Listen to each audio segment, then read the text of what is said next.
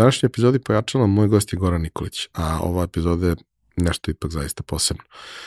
Naime, 3. decembar je dan osoba sa invaliditetom, a Goran je osoba sa invaliditetom koja postiže neke neverovatne stvari kroz ceo svoj život, a naročito poslednjih 15 godina ono što, što je vidljivo. Naime, on je čovjek koji je istračao 55 maratona za 55 dana, nakon toga 77 maratona za 77 dana, a najavljuje za sledeću godinu jedan još impresivniji projekat koji podrazumeva 365 maratona za 365 dana. Zašto neko toliko trči i šta ga to goni da toliko trči, čućete u ovoj epizodi, ali čak i ako vas na prvu loptu ovo ne zanima, poslušajte, jer tek onda ćete videti šta sve može ako neko dovoljno želi i ako je dovoljno posvećen. Goran je osoba koja ima očuvan samo 5% vida na jednom oku, a ipak živi život punim plućima, ima divnu porodicu i veoma je ostvaren u onome što radi i zaista svakodnevno menja svet oko sebe na bolje. Uživajte. Realizaciju ove epizode podržala je kompanija Epson, koja je vodeći proizvođač projektora i štampača za sve namene, od kućne i kancelarijske upotrebe do profesionalnih uređaja koji se koriste od maloprodaje do industrijske proizvodnje. Već 20 godina u nizu proizvode najbolje projektore na svetu, a prvi štampač napravili su pre više od 50 godina. I dan danas svaki godin ulože preko pola milijarde dolara u istraživanje i razvoj novih proizvoda sa fokusom na održivo poslovanje i očuvanje životne sredine. Upravo zahvaljujući tome, njihovi inkjet uređaj najnovije generacije prave 94% manje zagađenja od konkurencije uz maksimalan kvalitet otiska. I vaš mobilni telefon koji sada nosite i na kome nas možda slušate i gledate, najverovatnije je napravio robot koji je stigao iz Epsonove fabrike. Roboti su super. Japanski roboti pogotovo. Za slučaj da želite da nas podržite vi individualno, uh, možete da posetite link u opisu podcasta na platformi Buy Me a Coffee i tu možete kupiti mesečnu pretplatu ili jednokratno donirati neki jednost koji želite. Hvala vam unapred na tom.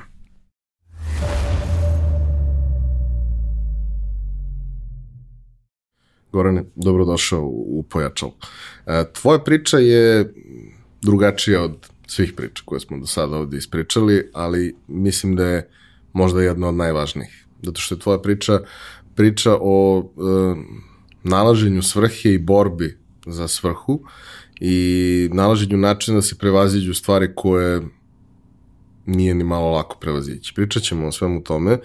Ovaj, sledi nam jedan onako prilično emotivan roller coaster, ali sa tobom kao i sa svima ostalima nema razlike. Ovaj, Svima je prvo pitanje, mančmelo pitanje, šta ste da budeš kad porasteš? Mm -hmm. Verovatno će vas iznenaditi u odnosu na ovo što radim sada i što sam radio u životu. E, to jeste jedan zanimljiv događaj. Imali smo u prvom razredu još neku pismenu vežbu i učitelji, baš na temu šta bi voleo da budeš kad porasteš, ja sam napisao zidar.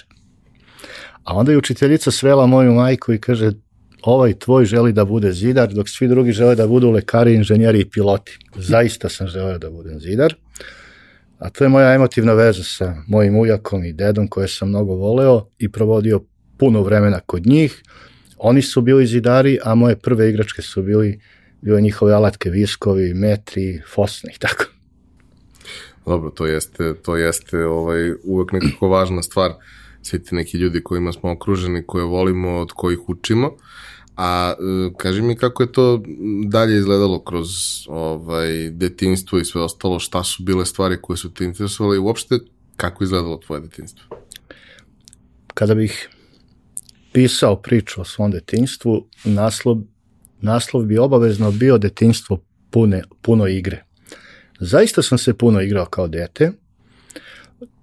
Sada vidim da, da je to bilo i dobro, da sam tu ispoljavao neke kreacije i naravno kao i većina dečaka na Balkanu, jel, voleo sam da budem futbaler.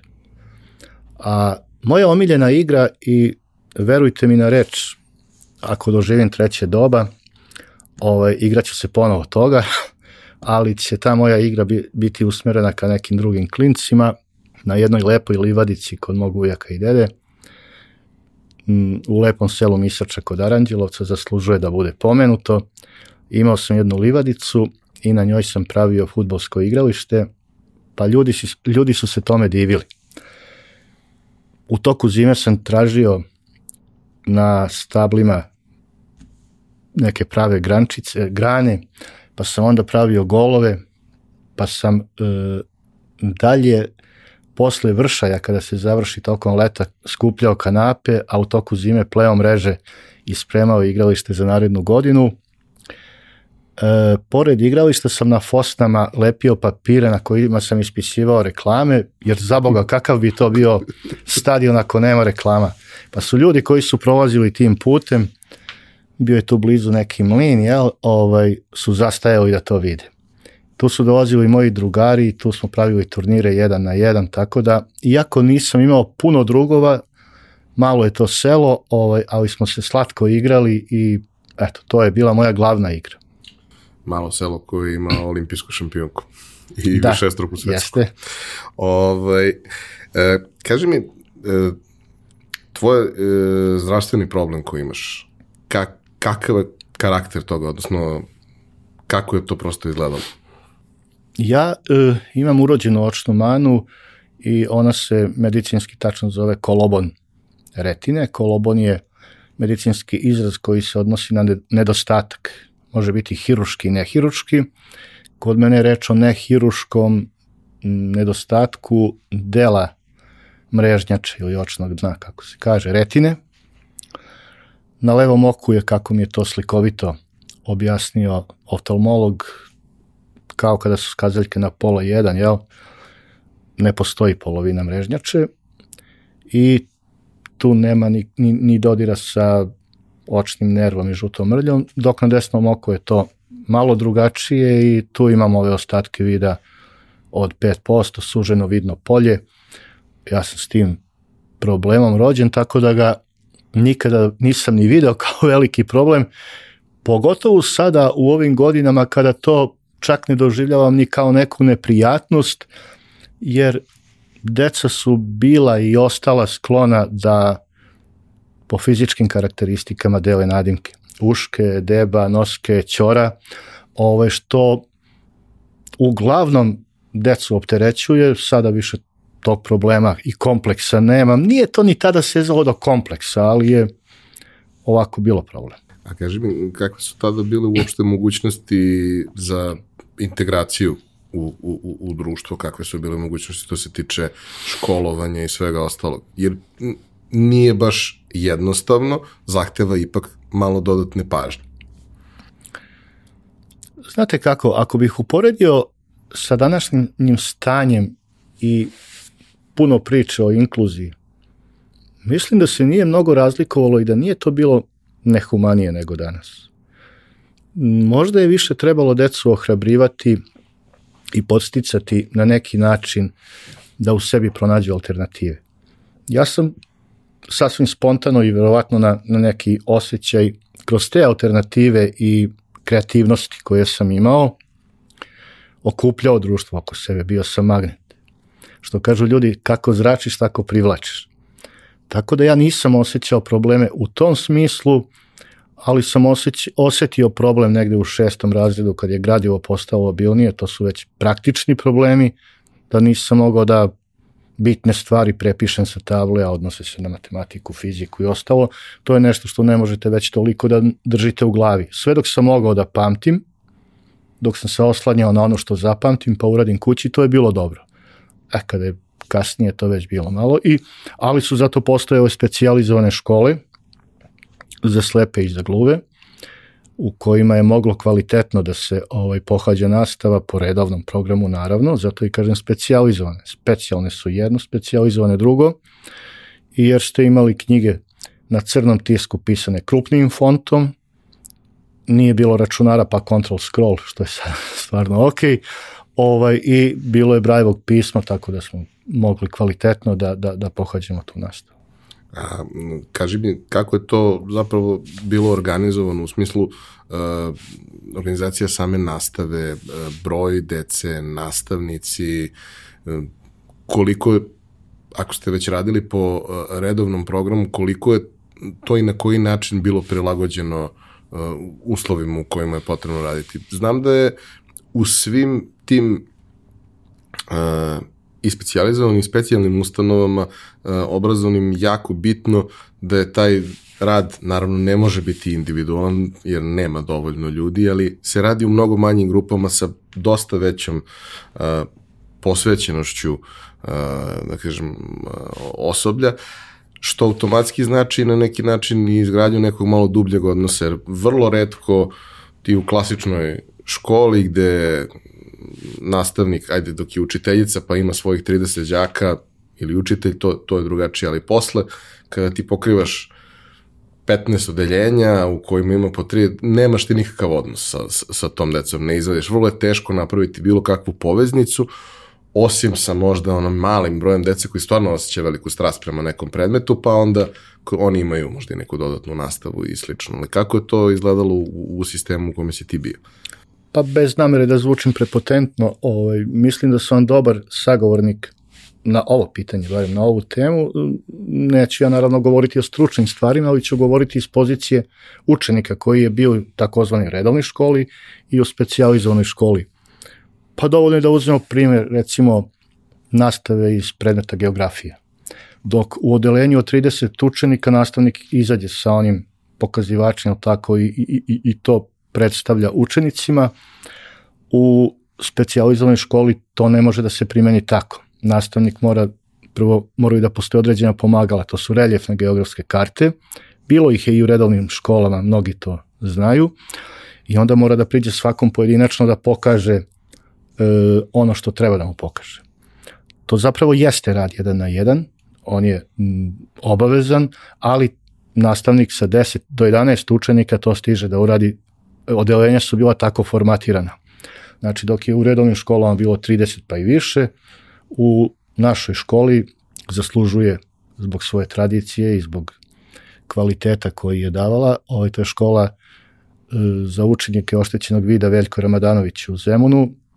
Ona je sa najdužom tradicijom na Balkanu i to je naša draga škola, tu je bila i osnovna i srednja škola. Imali smo odlične uslove i to se vidi po onima koji su danas ovaj, se obrazovali. Nažalost, u unutrašnjosti se o tome manje zna iz praktičnog razloga što svi iz unutrašnjosti koji završe školu i žele da se obrazuju, da idu na fakultete, ostanu u Beogradu, onda tu i studiraju, onda su tu i prihvaćeni, tu im je sve lakše, ovaj, tako da puno je u Beogradu i advokata i profesora i o, ljudi koji se bave ozbiljnim zanimanjem. A kaži mi, e, kako si ti uopšte, kako ste vi tad saznali da škola postoji i kako, je, e, kako ide, da kažemo, taj razvojni put u smislu e, osnovna i srednja su na istom mestu, tako da ti suštinski ostaješ deo tog sistema jedno duže vreme dok ne završiš srednju školu. Jeste, pa vidite, moj oftalmolog je majci sugerisao već u trećem razredu da bi bilo dobro da već tada krenem u školu Veljko Ramadanović u Zemunu. Rekao je, nemojte da vas zavara to što je on odličan učenik i može biti i do kraja. Da li će dobiti lekarsko uverenje da radi za ono zašto se obrazovao, to je pitanje. E, drugo, tamo će očuvati ove ostatke vida, neće se toliko trošiti i naprezati kao ovde, ali je majci bilo nekako i zbog toga što su dolazili različiti signali, znate, tamo ima dece koje kada vidite žao vam je, pa nije to tako pričat ću ja vama i o tome. Ovaj, e onda sam imao jedno dve zanimljive situacije koje bih voleo da podelim sa vama u šestom razredu. U šestom razredu se i fizika uvodi u nastavni program i naravno kao odličan učenik i fiziku sam dobro i marljivo radio i to je bilo za četvorku recimo, ne više. Ali je negde sredinom polugodišta ne sačekalo veliko iznenađenje, jedan veliki problem. Ušao sam u kabinet fizike i nastavnik je čim je ušao bio u akciji rekao deco, danas radimo presek gradiva, radimo važnu pismenu vežbu, na tabli su ispisani na tabli je ispisano 20 pitanja. To sam uradio za vreme velikog odmora. Nemojte prepisivati pitanja, samo pišite broj pitanja pod kojim odgovarate. Pazite, ja samo vidim mokru, tamno, zelenu tablu i mislim da je to bio problem i učenicima koji dobro vide. Ja sam pitao druga pored sebe, šta piše pod brojem 1, bi nas neki rekao tišina, opa. Ja sam odgovorio na prvo pitanje, pitao sam ga pod brojem 2, on je već je bilo strožije upozorenje, izbacivaću napolje i ja sam stao. Zatvorio sam svesku sa dva odgovora od 20 pitanja i dobio dvojku. To je nekako i prošlo, ali je drugi problem bio na času srpskog jezika, tada srpsko-hrvatskog. Imao sam dragog nastavnika koji je i mene ovako voleo jer sam dobro radio i pismene zadatke i ovaj, to je predmet koji mi je dobro išao. Mi smo njega voleli zbog toga što, znate kad ste u malom mestu, sve što vam je spona s nekim velikim i poznatim je nekako posebno drago, to deca u velikim gradovima ne prepoznaju kao tako. Taj moj dragi nastavnik Miloš Bjeković je rat, rat brat našeg ovaj, asa Nenada Bjekovića i ovaj, eto, mi smo to tako njega posebno gotivili. Na tom času je nastavnik, čim je otvorio dnevnik i upisao čas, rekao, ajde prvo da vidimo ko nije uradio domaći pa da idemo dalje. I onda samo, pošto sam ja sedeo u prvoj klupi, pozadi su ovi loši koji sede, počeli da ustaju, I ja sam se setio da sam zaboravio da uradim domaći. Oj, onda je on prokomentarisao onako iznenađen, zbunjen, kaže, dakle, Nikoliću, i ti si se uhvatio ovo kolo. Ustani ponovo, oni su seli, otvorio je knjigu iz gramatike, pošto je domaći bio iz gramatike, čitaj šta piše ovde sada ja vidim samo bele, beli papir kad je otvorio knjigu, ne vidim ni redove šta da čitam, a neprijetno mi je da kažem, ja to ne vidim. I on je više puta pitao i onda je prosto m, tada je sve bilo strožije nego sada. To je shvatio kao strašan otpor i to ga je od mene iznenadilo. I sećam se tog prizora kao da je juče bilo. To je bio zimski snežni dan, on je izašao do prozora, uzeo grudvu snega, šetao nervozno i bacio je na, na, na furunu kojom smo se grejali tada u seoskoj školi, prosto kao da je rekao, zar i ti sine brute. To je već bila industrijska varošica, ovaj, to je gde sam pohađao peti i šesti razred i taj socijalni život se odvijao u kafani. Naravno, moj tečo je bio trgovac, šef jedne samousluge i njih dvojica su se družili. I onda je on rekao, mom teči, vidi nešto se dešava, kaže, on neće da komunicira. I ovo je rekao, reci na razrednoj, nek pozove majku. Majka je došla i ona kaže, evo, dvojka iz fizike. Evo ovaj bezobrazluk na času srpskog. I majka je došla kući besna. Jedini, jedino što sam rekao, vodi ti mene u taj zem. Što je nju razoružalo i ja sam shvatio da ovaj, mi je to jedini izlaz, jer neću nastaviti dalje. I onda je majka pitala, pa da li da pitamo razrednu da ti klupu stavi ispred table bliže da bi ti video, pazite da sedimo u magareći klupi. ovaj, I onda zaista smo krenuli u te pripreme. Mm, iskreno da budem u tim godinama puno je nepoznanica da se otisnete tako daleko od kuće na kraju odvojiti se od porodice. Moji su roditelji bili razvedeni, bili smo sestra, majka i ja, ali sam ipak otišao i napravio sam neki plan. Pa hajde, ako meni ne bude tu prijatno s tom decom, jel? Ovaj, pa Beograd je to, ići da gledam futbolske utakmice, ići u bioskope i tako. Međutim, dogodilo se sve suprotno od tog straha. Ja sam odmah zavoleo te moje drugo. Oni su mene prihvatili. E, bilo mi je prijatno među ravnopravnima. I to što sam od nekih bio i superiorniji i bolje video, a bio sam među onima koji bolje vide, mi je nekako davala davala i tu mogućnost da ispoljim neku ličnu odgovornost, da im pomognem. To me je ispunjavalo. Ovaj, tako da mi je bilo veoma, veoma prijatno. Tamo sam video mnoge stvari kojima se oni zabavljaju, koje nisam video ranije i vrlo često kad sam dolazio na letnje raspuste i to pričao svojim prethodnim drugovima iz redovne škole, ovaj, oni su znali da celo leto mene uveče kad sednemo pitaju, ajde pričaj nam o toj tvojoj školi. Tako da, ovaj, a to što ostajete u istom sistemu sred, osnovnu pa srednju školu je zapravo i nije loše, dobro je to. Ostajete na poznatom terenu sa istim, manje više istim ljudima.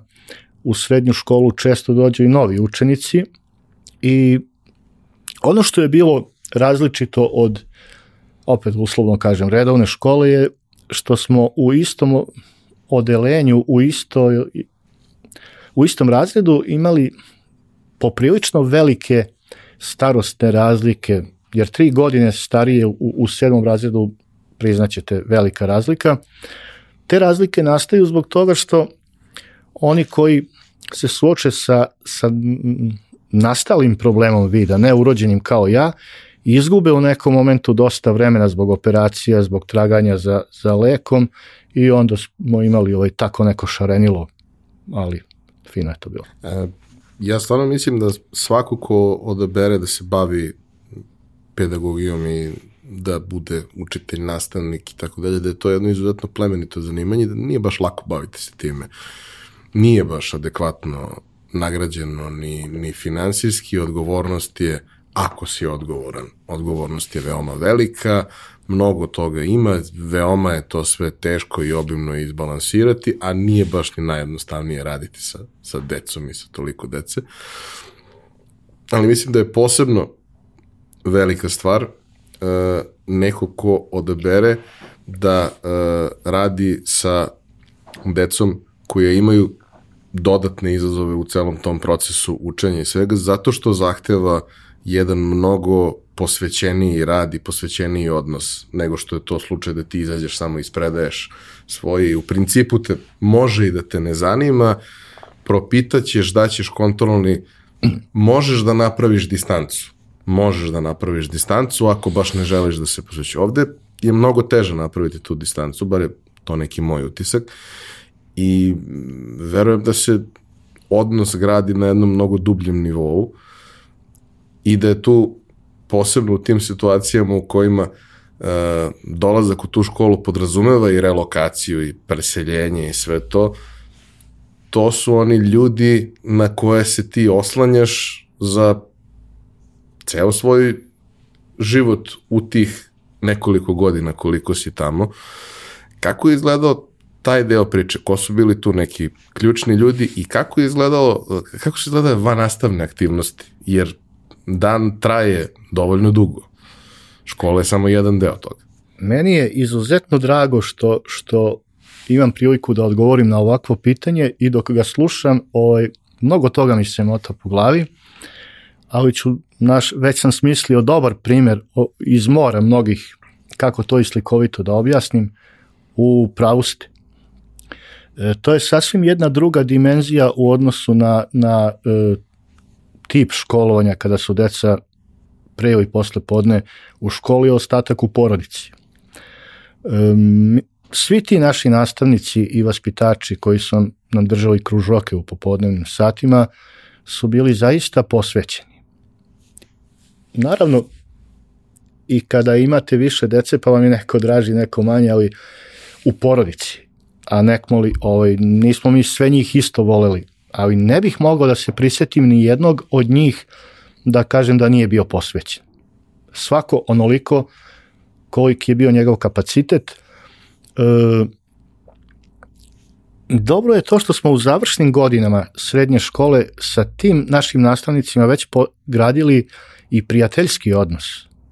Oni su nekako na tome insistirali, znali su da sada odlećemo pomalo iz slabih krila i šta nas čeka u društvu e, mislim da su iz tog razloga i sada ustanove domovi za, za nezbrinutu decu i demontirani, da tako kaže majstorskim jezikom kao takvi, i da, i da, i da su stručnjaci iz socijalne zaštite procenili da je, je bolje da deca odrastaju u svojim porodicama. Ali ću reći jedan primjer sa časa matematike iz završne godine srednje škole, jer kada završavamo osnovno, onda mi obično pitamo naše drugare, e, kakav je ovaj nastavnik, kako sa ovim, kako sa onim, šta se može očekivati, kako to izgleda. I sada smo, su nam rekli za nastavnika matematike, koga smo mnogo voleli, i evo zaslužuje da mu se i ime posle toliko godina, on je kasnije mene i moju suprugu i venčao, to je Moma Zarić, nama su rekli, kaže, e, Moma je gurman i njega samo kad mu pomenete hranu, zagovorit ćete ga, a enciklopedija je, sve zna. I zaista smo imali jedan tim za zagovaranje Mome Zarića i uvek priprema pred matematiku nisu bili zadaci, nego na koju temu da ga pitu. Pitali smo ga mi kako, kako je najbolje brijati se, pa je ona pričao o svom brijaču koji je oštrio neki kaiš, pa kako natopiti ovaj, jel, bradu dobro, tada je su to bilo oni sapuni, jel tako, i neke, nije bilo pena i gelova kao sada. I tako nama prođe ceo čas, vrlo često. Pri kraju završne godine srednje škole, on je rekao, dakle, majstori, bacio je dnevnik, tako, narode, nikada niste uspeli da, da me zagovorite, a da vam ja to nisam omogućio. Znao sam vašu taktiku, ali, kaže, rekao sam vam ono što će vam mnogo više značiti u životu od matematike, jer opšte je poznato da e, slepi ljudi e, se mnogo češće, daleko češće obrazuju e, u oblasti društvenih nauka i bave se i naučnim radovima, ali u, u, u prirodnim naukama, naravno, zbog specifičnosti invaliditeta su daleko, daleko ovaj, manje prisutni i on je rekao, o, ja sam vas naučio svemu što sam trebao da vas naučim. Zapamtit ćete vi Pitagorinu teoremu kao i svi, sve što su zapamtili drugi zapamtit ćete i vi. Ono što svi zaborave, to vam nije ni trebalo. Zamislite ovaj, koliko je on nas malo i postideo, ovaj, ali zaista je tako bilo. Eto. To je možda najbolji primjer kako, kako to funkcioniše. A kaži mi, taj trenutak, da kažem, kraja srednje škole je u većini uh, mladih života i odrastanja, trenutak kada se prvi put donosi neka velika odluka i kada prvi put u suštini se opredeljujemo kuda će da ide naš život i naša karijera. To sad ne mora ni da ne mora biti ishod ovaj, zapravo takav. Mnogi ljudi i upišu fakultet i završe fakultet pa se nikad ne bave tim. Ali jeste prvi put kad više nema vremena za odlaganje te odluke. On, ko, ko nije mogao da donese odluku nakon osnovne škole, on je upisao gimnaziju, pa nije morao da brine još, još četiri godine, ali tad već... Kupovao vreme. Treba naći neku odluku, treba se opredeliti na neki način. E, kako su vas pripremali za to i kako u tvom konkretnom slučaju izgledalo šta dalje? Mi smo bili praktično pripremani. Danas e, prilikom profesionalne orijentacije, mislim da se i sada potrebljava taj izraz, e, opet kažem u završnoj, ovaj, u osmom razredu, bili smo usmeravani ne kao e, ostala deca u ostalim redovnim školama ka zanimanjima od kojih može dobro da se živi i koja su ekonomski isplativa. Nego smo bili usmeravani ka zanimanjima u kojima ispoljavamo najviši stepen samostalnosti. Kao što malo pre rekao, e, u Beogradu ima veliki broj profesora, advokata, šta ja znam. E, mnoge od njih i znam, ali i činjenica da neko mora da vam upiše ocenu u dnevnik vas čini manje samostalni.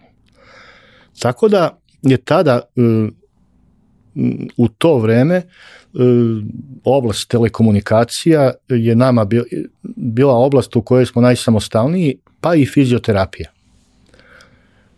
E, I u jednom i u drugom slučaju slepom čoveku su bili potrebni samo pratioci, a mnogi su bili i samostalni i samostalniji nego sada. Više ste ranije vidjeli ljudi sa belim štapom na ulici nego danas. E,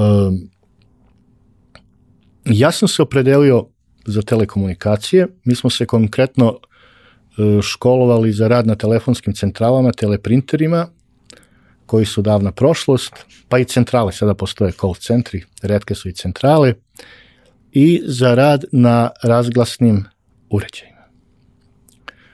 Ja sam imao tu priliku da radim i na razglasnim uređajima i na centrali istovremeno. Tako da to je bilo usmerenje, to je bila preporuka. E sada,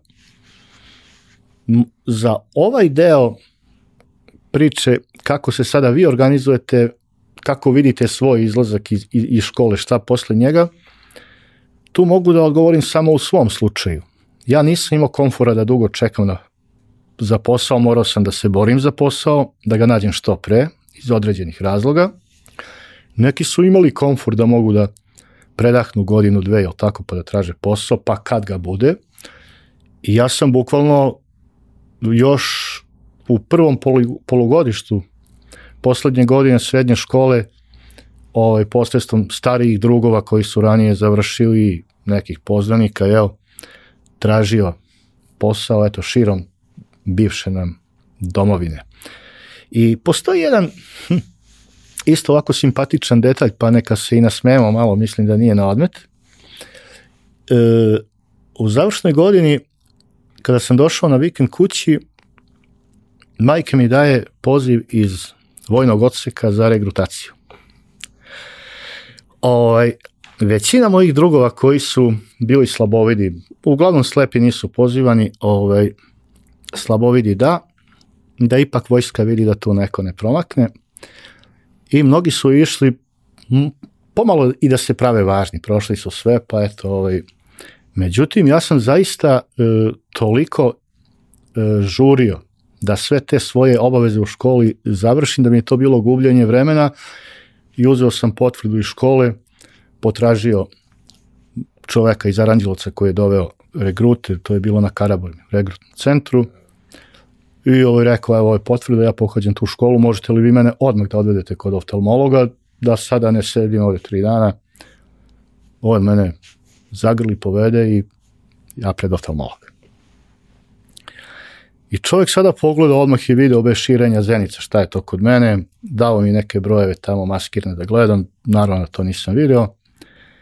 I onda je pisao što je pisao, pa me je pogledao, pa mu je bilo neprijatno i onda mi stavio ovako nogu, ovaj ruku na, na, na, na koleno i kaže, vidi, mlad si, lep si, pametan si, vidi se, bit će načina da se odužiš domovini, ali ti u armiju ne možeš.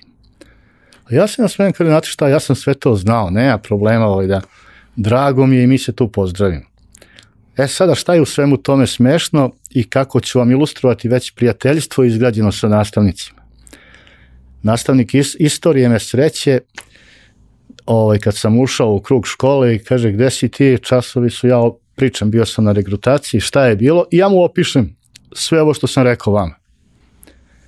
On ni pet ni šest kaže, au, kaže, taj kao da te muvo, kao da je bio zaljubljen u te. I to ispoljavanje emocije i kao je, ovaj, polako. Pa dobro, mislim, svakako nije jednostavna situacija i kad ono, i njima nije sve jedno što treba nekom da kažu, jer ne znaju sa kojim predubeđenjem ljudi dolaze, posebno u, u to vreme, pretpostavljam da je mnogo veći broj ljudi i želeo na neki način da bude deo toga. Mislim, kad, kad je došlo vreme moje nije generacije, ko niko nije želeo. Mislim, dovoljno je velika razlika u godinama, umeđu vremenu se desilo sve što se desilo, niko u mojoj generaciji nije želeo da ide u vojsku, skoro niko, naravno, naravno. Ovaj, ali dobro. E, I dobro, traženje posla i šta onda? Da, traženje posla i onda, ovaj, naravno, neko je imao planove i šta posle, zasnivanje porodice ili nešto drugo. Ja sam upravo i već imao plan da zasnujem porodicu, do duše tako rano, ali dogodilo se i eto, to je bio moj motiv da posao potražim već tada. I kako je to izgledalo? Pa burno. to je izgledalo burno. Ovaj, to je detalj iz mog života emotivni detalj iz mog života, ovaj, koji je bio inspiracija prijateljima iz Delta fondacije da u jednom momentu kada sam istrčao jednu seriju maratona, me uvere da treba da napišem knjigu, misleći da će trčanje biti tema, pa sam se pitao šta ja da pišem o trčanju, onda su rekli biće, biće i o trčanju. Ali zapravo, jedna od lepih stvari koja mi se dogodila u školi i koja me eto, i emotivno vezala za školu je bila moja prva ljubav. Ja sam se iste godine kada sam otišao, jel tako, zaljubio u jednu devojčicu, neobičnog imena za mene iz unutrašnjosti, Rukiju, i odgovor, naravno da sam to kao i svaki de, dečak sa sela bio prilično stidljiv, jer sve e, je tamo kretalo ranije. To je nešto o čemu može posebno da se priča. Mene je iznenadilo kada sam otišao u školu, kada smo uveče izašli iz internata, ja nisam imao s kim ovaj, da se poigram. Ja sam otišao odranih kolena i, i, i ispucalih šaka od klikera od zemlje, a tamo su već moji drugovi u sedmom razredu imali devojke, šetali tu po krugu i oni su uveče tako provodili vreme. I ja sam ovaj, bio malo stidljiviji, izrazio sam posredno ljubav. Odgovor je bio da to da je to nemoguća misija jer iz verskih razloga i nacionalnih to nije moguće. Moja supruga je Albanka. Rekoh preko reda. Ovaj, devojčica je bila Albanka i ja sam prvi put čuo, ja sam prvi put tada čuo ovaj, za takvu situaciju, jer me niko tome nije učio. Da, to nisam, može da bude problem. Nisam znao da postoje takvi problemi. Nekako sam na, bio naučen da volim ljude i tek sada shvatam da u zajednicama gde ne živi stanovništvo mešovito i nema razloga da se o tome priča. Ali tamo gde su živeli mešovito nije svuda zaživelo bratstvo i jedinstvo. Ja sam voleo te razlike i voleo sam da upoznam ljude različite jer sećam se kao dete na kredencima u selu su bile one kutije sa šećerom i vegete, pa su tu bile, bili motivi narodnih nošnji, pa sam volio ja to da vidim. I onda me to iznenadilo, međutim, posle nekoliko meseci je stigao signal da ni Rukija nije ravnodušna i mi smo počeli da se zabavljamo, eto tako, tako mali. I onda su, ovaj, naravno, pošto su njeni roditelji živeli u Beogradu, saznali za tu vezu i reagovali su zabranom, pa smo mi pokušali da raskinemo, ali kad je nešto zabranjeno, onda je slatko i tako nekoliko puta do završne godine srednje škole, kada smo se upitali, ja šta sada? Onda smo odlučili da mi našu ljubav krunišemo brakom, ona je tada bila svesna da će doživeti prezir i da može biti odbačena od roditelja. Mislila je da neće biti reakcije jer njeni su živeli u Beogradu. Zbog toga sam ja morao da se što pre ekonomski osamostalim. I kada je ona završila srednju školu, umesto na matursko veče, o, ja sam otišao po nju i mi smo došli u Kragujevac mimo svih očekivanja njeni su reagovali posredstvom policije, jer ona za tri meseca nije bila punoletna i policija je morala da je vrati.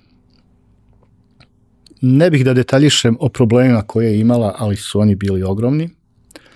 Ona je smogla snage da iz tog kućnog pritvora, da kažem, pobegne, I to je moja supruga s kojom, eto, već 35 godina živim srećno.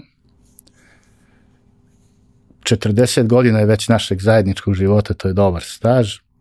Imamo sina Nenada i unuku Milu. Moja unuka će sada napuniti, naša unuka će napuniti 3 godine i liči na baku, što me posebno raduje. Tako da, ovaj, eto, to je, to je bio razlog što ja nisam bio 5 dana na, u regrutnom centru. Ali taj moment uh, osamostaljivanja i izlaska iz te neke tog gnezda koji je suštinski bio taj, taj sistem gde postoji ceo set obaveza, ali postoji neka vrsta zaštite, postoji gomila ljudi tu koji su, koji su, kojima je stalo da se prosto razvijete na, na, na pravi način. Uh, taj izlazak je sigurno veliki izlazak iz zone komfora, posebno kad postoji i ceo taj ta cela lična komponenta gde je to dodatno značajno, a ne samo bilo bi lepo, nego sad već stvarno je potrebno da postoji ovaj, e, i, i obaveze i finansijska nezavisnost i negde prilika da se cela priča razvija dalje kroz neku karijeru i sve ostalo. E, struka je negde bila u prstima, jeli, barem neki početak, ovaj, i kako je uopšte, mislim, kakve su mogućnosti bile, koliko je uopšte bilo prilike da se nešto krene, da, da se radi, koliko je sistem, obrazovni sistem je pravio kadar, ali koliko je poslovni sistem bio spreman da kadar prihvati i, i, i na neki način integriše? Verujte mi na reč, više nego sada. E, tada su sve industrije, sve fabrike, sve institucije, ustanove imale telefonske centrale, tada teleprintere, je tako, i ovaj, tu su se, postoje član zakona 47 ili 48, ja mislim, zakona o radu, koji je, kada se pojave radna mesta, ovaj, negde na koje imali su prilikom konkursa prednost slepi. Znači, ako je telefonska centrala u pitanju, javi se 15 ljudi, onaj ko je bio slep ili slabovid, ovaj, on je imao prednost. Tako da, da nas je zakon štitio i još je nešto važno, da bismo razumeli koliko je država bila organizovanija nego sada. I humanija, čini se. Jeste. Ovo govorim otvoreno, na bazi iskustava čoveka od 55-6 godina.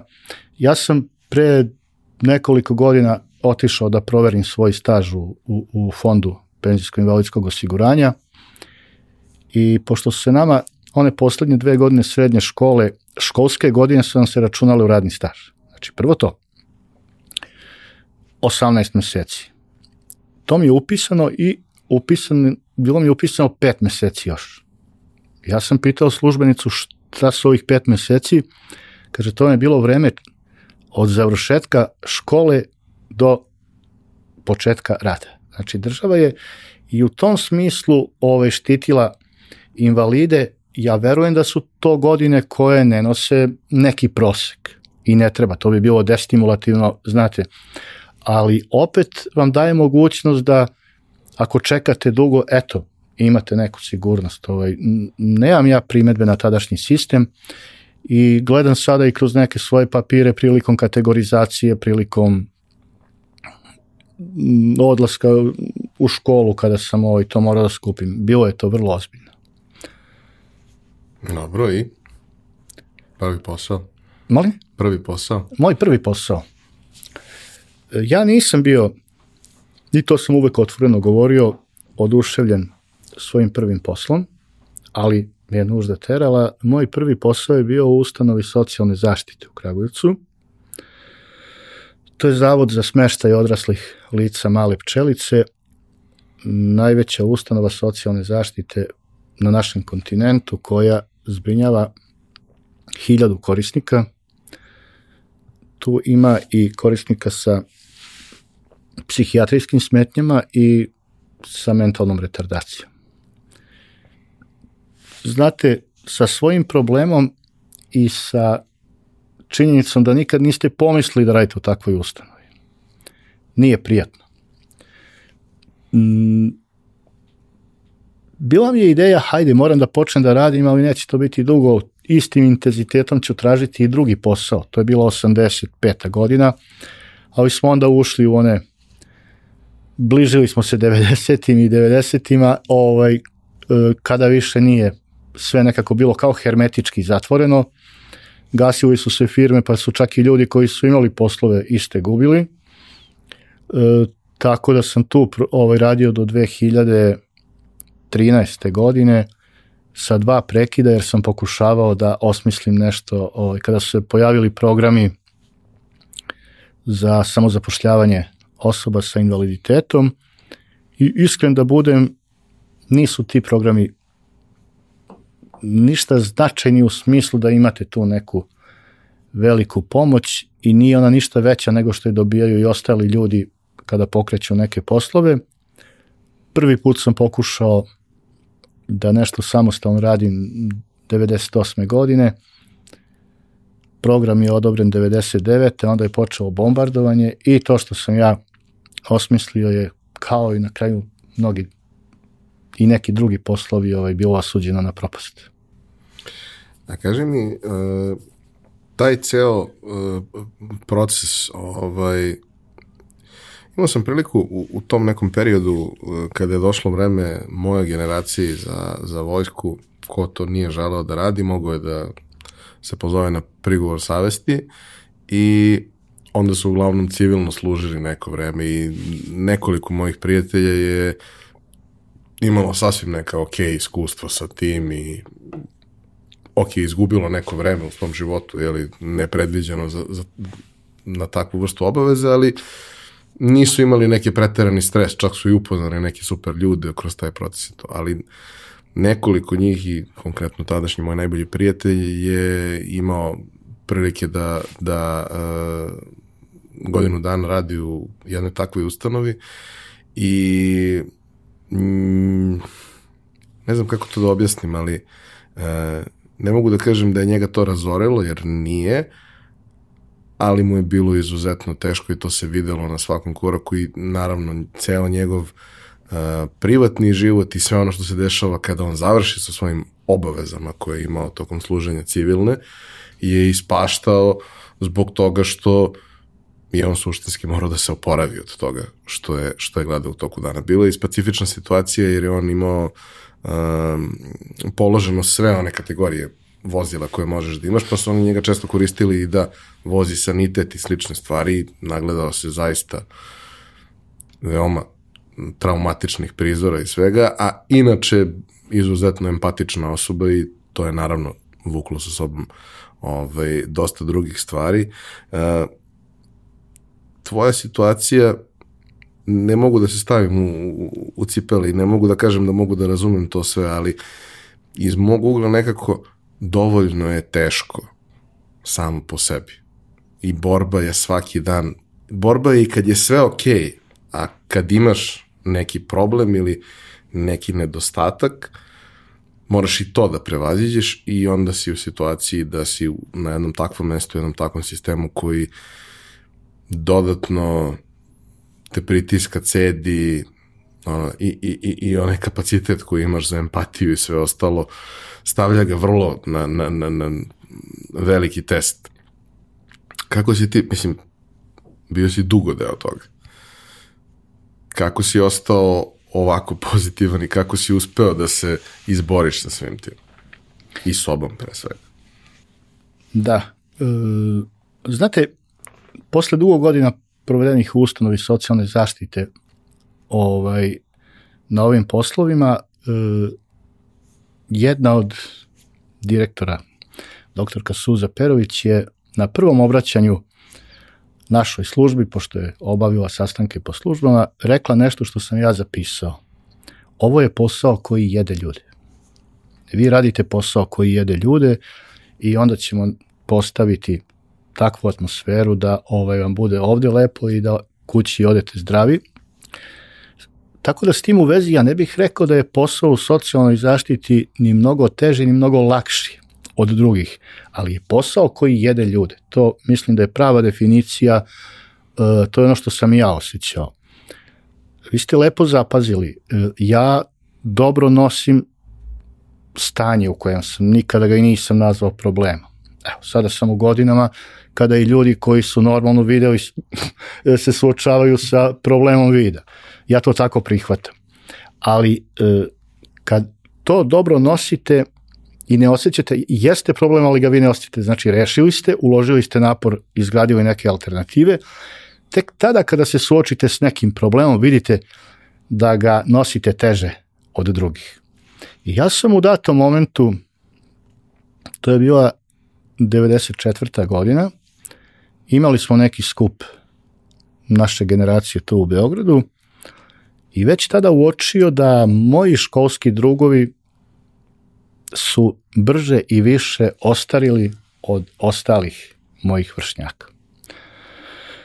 Mi dugo ostajemo, što kaže, privrženi jedni drugima, pa se redovnije skupljamo od drugih, jer smo živjeli kao porodica, to je razumljivo. I tada sam odlučio, prvo iz estetskih razloga, kao i, ve, i, i mnogi ljudi, da krenem da se rekreira. Prvi danak koji takav posao uzima, da ga provedete ceo dan u jednoj stolici za telefonskom slušalicom, jeste ovaj, uvećanje telesne mase i naravno onda slede i mnogi drugi zdravstveni problemi i ja sam nekako odlučio da krenem da se rekreiram. Tada sam već rešio neka egzistencijalna pitanja, tada smo već imali konforan stan i ovaj, do tada sam imao neke izgovore, u smislu da sada bilo bi sebično da se ja rekreiram, znate, umesto da se posvetim porodici, ali je jedan 8. mart i jedna kafa moje supruge sa njenom drugaricom meni je bila dobro došla, u smislu ostavit ću ih da vode svoje ženske razgovore, ja sam obukao neki šorc, majicu i šangajke, patike, otišao do obližnjeg igrališta na kojem su se odvijao trening.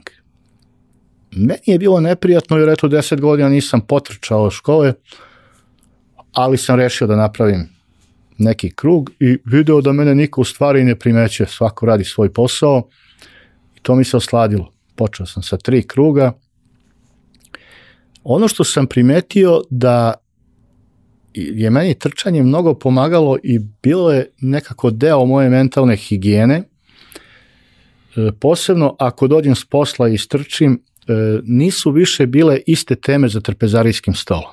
Izbaciš se. Da, to je neka tampon zona bila između e, posla i porodice.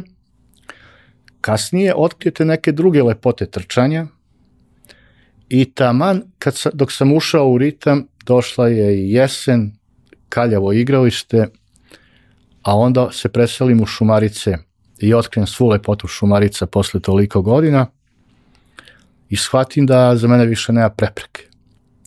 I tako, ovaj, to krene i tu više nije bilo zaustavljanja, povećavale su se daljine, prosto zbog toga što vam bude sve lepše, poželite da se družite s prirodom, e, shvatite da u prirodi ne postoji loš dan. Svi su na svoj način lepi, kišni i oblačni, sunčani, jer definitivno postoji jedna lepa mudrost koju sam usvojio kao pravilo življenja. U životu se morate obavezno navići na dve stvari, a to su loše vreme i loši ljudi. Uvek su tu prisutni. I u vama je, na vama je da ovaj se opredelite. Postoji u čoveku e, e, e, e, ono kao što bi rekli vernici anđeo i đavo. Ako nešto hoćete da uradite, a ne radi vam se ili ste na vagi da li biste ili ne biste, naći ćete bezbroj ali da kažete da ja bih išao ali pada kiša.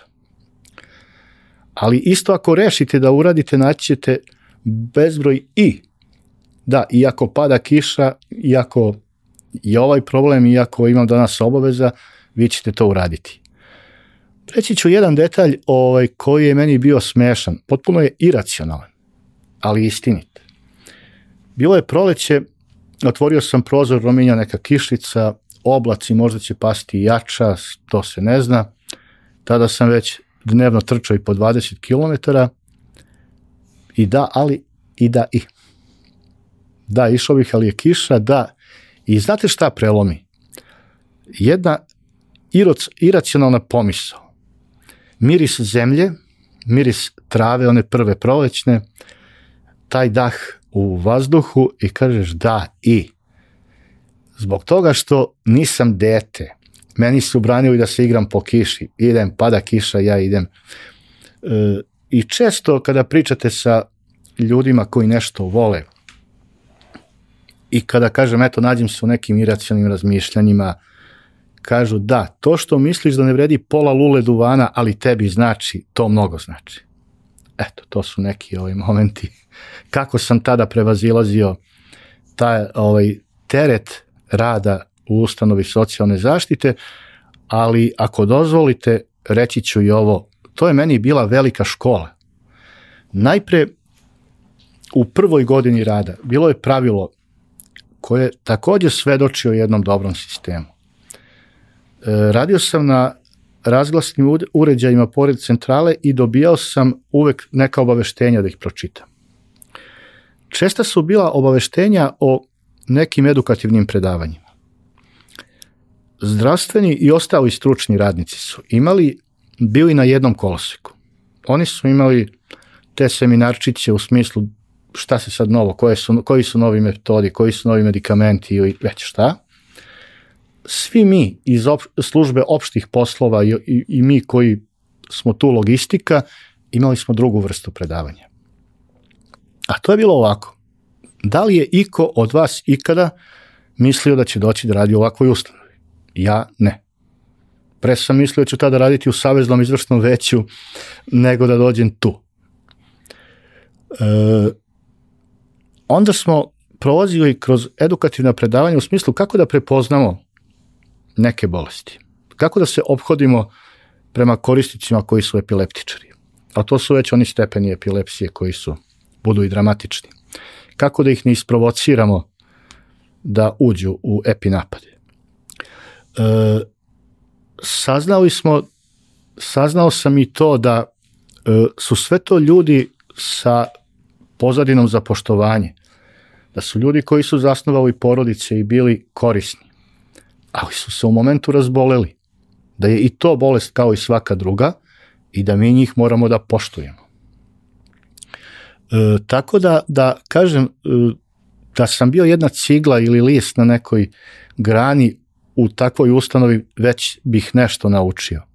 A kasnije sam imao naravno priliku i da razgovaram sa nekima od korisnika ovaj, i čuo njihova iskustva o bolesti koju, koja ih opterećuje, do situacije kada sam moj supruga i ja, zbog našeg problema sa vidom, bili u dilemi jer ni oftalmolozi nisu bili sigurni da li je, kod nas nasledni faktor, da brinemo. I što je trudnoća odmicala, to sam i ja bio uznemireniji, do te mere da sam i sanjao dete s bebu s naočarima. Tada sam imao priliku da na terasi ispred moje kancelarije razgovaram sa već lekarom pred penzijom, sa velikim iskustvom i oko nas su se vrzmali korisnici i uglavnom oni traže cigaretu, neki dinar da kupe cigaru, kafu. Ja mu pričam da je supruga trudna, da mi imamo tu dilemu. Pa on kaže, zavolit ćete vi bebu. Kaže, naravno ćemo zavoliti bebu, ali šta ako ne bude dete videlo? A on je pogled bacio na korisnike, pa me onda pogledao, kaže, a šta i ako ne vidi? Sada ja ono, a šta fali tebi što ne vidiš? Pitao me i on. Sa malo reči mi je rekao da je najbitnije mentalno zdravlje. Eto, i to sam naučio da cenim, ovaj, tako da nije sve tako crno, uvek ovaj, s, gde god da se nađete možete nešto naučiti. To, ja sam to tako shvatio i to je to. I gde god da se nađete, ima neko kome je bolje, a ima neko kome je teže. Yes. A vrlo često e, neko kome je teže to ne pokazuje i vi to ne možete da znate jer jednostavno ljudi pokušavaju na taj način i sebe da sačuvaju, a i drugi od sebe. A, dobro, imali smo tu sad uh, ulaz u ovu priču sa trčanjem, koja jeste hajde kažemo direktan povod što, što, što pričamo, jer jeste nešto što je obeležilo prethodnih deceniju i, i, i, i više. Ovaj, e, sjajno mi je da, da je ta strast počela tako davno i da je to u suštini počelo iz potrebe na neki način, a onda je preraslo u veliku ljubav i opleme, nešto što oplemenjuje život. E sad, e, to tako traje i traje neko duže vreme i razvija se. Ovaj, ali u kom trenutku to postaje e, način, odnosno sredstvo društvene promene, odnosno način da se napravi neka razlika koja prevazilazi samo to meni je lepo, ja to zato radim. Da, i sa trčanjem oprezno kao i sa lekom, kao i sa svim drugim, jer e, pre nego što krenem na društvenu odgovornost, da direktno odgovaram na vaše pitanje, moram da kažem da e, svi mi kada počnemo da trčimo eto iz, da kažem, estetskih razloga, prolazimo različite faze. I ja sada kada imam pred sobom sagovornika koji je trkač, ta, tačno znam u kojoj fazi, jer kada iz, prvo je izgradite samodisciplinu i osjećate greh prema sebi, svom telu, što danas niste trčali. U nekom momentu počnete da povećavate destinacije, ovaj, daljine da vidim, aj koliko ja to mogu, pa onda malo i brzine, pa se igrate sami sa sobom, ali u nekom momentu to može da po, pređe u obsesiju. U smislu da smarate ljude trčanjem kao da je trčanje jedina stvar na svetu. Shvatili smo to sa društvenih mreža, ljudi dosta zlostavljaju druge ljude trčanjem da. poslednjih deset godina. Ali ovaj, postoji i, i nešto drugo. Jednoj prilici je meni, znate, u tom momentu kad dođete u tu fazu, vi gledate da, barem sam ja tako, bio, ne bih se osjećao prijatno da kradem previše vreme od porodice, jer treba otići u neku nabavku, završiti neki posao. Ovaj, trudio sam se da porodica što manje bude opterećena tom mojom navikom i ustajao sam jako rano.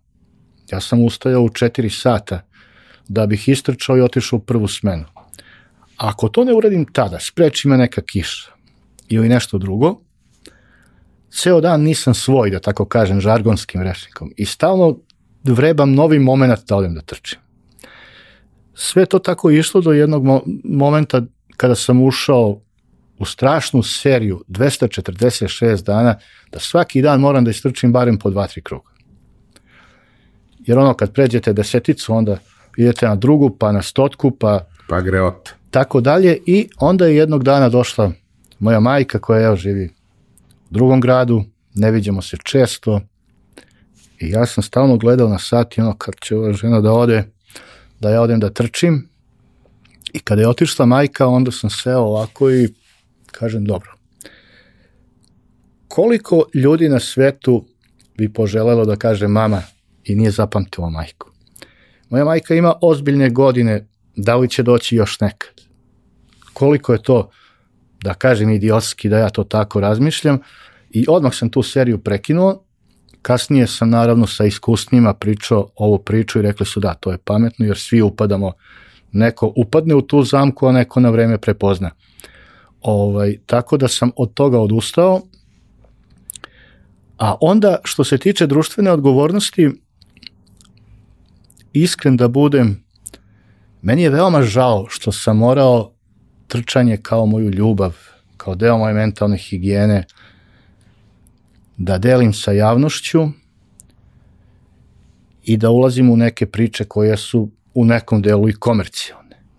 Jer sam kroz jedan poduhvat imao i poziv društvenim subjektima, finansijskim organizacijama da pomognu opremanje jednog centra i trkači često rade te e, kada žele da podrže nekoga, prodaju kilometre i tako skupljaju donacije. Dakle, meni je istinski žao što trčanje nije ostala samo moja ljubav, jer sam u momentu osetio potrebu da izađem na asfalt, da na poseban i ekstreman način ukažem na neke probleme koji se sa kojima se suočavaju ljudi sa invaliditetom i da pošaljem još neke druge poruke. I te serije su krenule 2012. godine, pošto ulazimo u deo razgovora gde verovatno ćemo pričati o tome. Tako je, tako je. E, kako, je uopšte, kako si uopšte došao na ideju za prvu aktivnost tog tipa? I šta je bilo prva aktivnost? Prva aktivnost tog tipa je bila posebna emocija i prva aktivnost tog tipa su bili deset punih maratona za deset uzastopnih dana. Pre tačno jedne de, više od jedne decenije, 2012. godine. Ali ona ima jednu prethodnicu i to ću ukratko samo reći. 2003. godine sam sedeo na jednoj užarenoj stolici pred gospodinom Ginom Nilom, e, direktorom ACDI Voke, koja je na teritoriji centralne Srbije sprovodila program USAID-a pomoći zajednici. Ja sam nekako uspeo da dođem do tog gospodina sa molbom da nam doniraju tri tandem bicikla. On je meni rekao da Voka u tom momentu radi samo infrastrukturne projekte, da oni rade projekte koji su preko 100.000 evra. I onda vidite da ste došli na mesto gde ima novca, e, tandem bicikl jedan košta 1000 evra. I to je rekvizit koji u tom momentu vam ne bi kupilo ni jedno ministarstvo, ni jedan privrednik ne bi dao iz toliko novca. Pa kaže on, hajdete i da hoćemo da vam pomognemo. Mi moramo da dođemo do 100.000 tada maraka, ja mislim. I tek onda vam nije dobro. A ja sam došao nepripremljen. Ja sam došao da zamolim za tri bicikla. Pa me pitao, ajde da vidimo ako vam treba 15 bicikla. Ne treba, ne mislim, ne mogu da budem nepošten i da čovek ne mogu da nađem 15 ljudi u Kragujevcu slepih koji će da voze tandem bicikle. U tom momentu se prisetim e, večeri, prethodne večeri, gledao sam centralni dnevnik i bila je između ostalog informacija da se otvara obnovljeni most u Mostaru u junu mesecu ili u julu i da će biti 15 dana različitih manifestacija, sportskih, kulturnih, privrednih i tako. I ja kažem ono što se sada ne bih usudio da kažem, ovaj, znate gospodine Nil, ako biste vi nama donirali ta tri bicikla, mi bismo vas jako dobro promovisali. A on, me, on je skrs, prekrstio ruke i pogledao me, imam utisak da bi me poslao u lazu. Kaže, kako biste vi nas promovisali? Zamislite, suludo je da vi čoveku iz USA da kažete mi ćemo vas da, kao sloni miš, ono. Kažem, ako bismo dobili ta tri bicikla, mi bismo otišli da gradu Pobratimu, Mostaru, čestitamo otvaranje obnovljenog mosta, slepi i slabovidi bicikli bi, biciklisti bi sa biciklistima radničkog vozili u tri etape 420 km. A onda totalna transformacija, kaže, vodite ga i dajte mu te bicikle. Nađite način. I onda su ti njegovi fini operativci rekli ovako, mi ovo moramo da uradimo kao neki klaster, ali da vidimo opet moramo da prebacimo barem 20.000. Tako da smo dobili tri bicikla pa smo morali neke računare i ostalo. Imali smo u tom momentu jednog profesora na ekonomskog fakultetu koji je bio slep čovjek i on reši enigmu, mi nemamo ni kancelariju. Opremite kancelariju studentske unije, napravite partnerstvo sa studentskom unijom ekonomije, to su budući menadžeri i oni će vam kasnije pomoći. I napravimo jednu korisnu stvar, klinci dobiju nekoliko računara, štampača, skenera, sve je u tom momentu to bilo nešto što je bilo skupo za organizacije, diktafona, čega sve ne, Mi smo dobili kancelariju kod njih, prostor koji možemo da koristimo, oni opremu, mi otišli za Mostar i tada smo izazvali neočekivano toliku pažnju medija da je čak i Slobodna Dalmacija napisala da su bila tri kurioziteta koje, koja su obeležila e, otvaranje obnovljenog mosta. To je bio vrhunski skakač sa visinskih skakaonica, zaboravio sam mu ime bila je džezva za 700 litara kave, to je neki lik uradio za Ginisa i slijepi i slabovidi biciklisti koji su izvezli pravi maraton da dođu do Mostara i da čestitaju gradu povratima. Nismo se mi dugo zadržali, bilo je vrlo prijatno, emotivno i tu je inicirano da mi dođemo i da to postane tradicija. Treće godine našeg odlaska je došao i predstavnik ambasade Bosne i Hercegovine da nas isprati. To je manifestacija koja je izzivala veliku medijsku pažnju i kako u Srbiji, tako i u Bosni i Hercegovini. I on je rekao da je najveća razmena ljudskih resursa između BiH i Srbije upravo na relaciji Kragujevac-Mostar, jer posle nas je krenula sara, obim saradnje je bio takav da su po principu deca kod dece. Sportisti najmlađih kategorija iz Mostara dolazili u Kragujevac i obratno, bili su u porodicama jedni kod drugih, stvorila su se nova prijateljstva, nove ljubavi, na društvenim mrežama su se umrežili i to je bilo divno.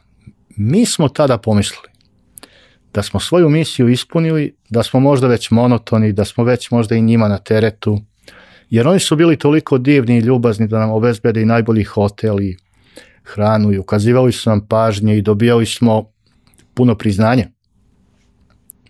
I mi smo prekinuli manifestaciju 2007. godine ili 8. Da bi posle dve godine me pozvao pomoćnik gradonačelnika za sport u Kragujevcu i rekao dođi molim te odmah ovaj, imam iznenađenje za tebe i to je bila delegacija Sportskog saveza grada Mostara. Ovo je bilo, stvarno je bilo emotivno do suza i tu sam mi uručio jednu monografiju, koja nije obična monografija. To je prvi projekat oko koga su se svi složili da predstave svoj grad sa divnom posvetom i inicijativom da mi obnovimo. Rekli su nama je bez biciklista prazno pod mostom, jer su nas odmah iza intoniranja himne na skokovima, jer smo uvek išli u oči skokova, pozdravljali zvanično ovaj, E sada, nastavljamo mi tradiciju, ali je vrlo ružno da lažemo i sebe javnost. Dve godine nismo išli. I nas dvojica, ovaj, ja sam bio inicijator toga, moj duplo mlađi prijatelj, paralimpijac, triatlonac i, i sa velikim uspehi, uspesima na svetskim i evropskim prvenstvima, Lazar Filipović iz Čačka, smo trčali tih 10 maratona za 10 dana do Mostara što su jako cenili i tu su nas nagradili prikladnim priznanjima. Dakle, 10 maratona za 10 dana, 2012. počeli smo 15. februara u vreme vanredne situacije u celom regionu kada je košarkaški tim Hemofarma bio zavejan u tunelu prilikom odlaska na utakmicu sa Širokim.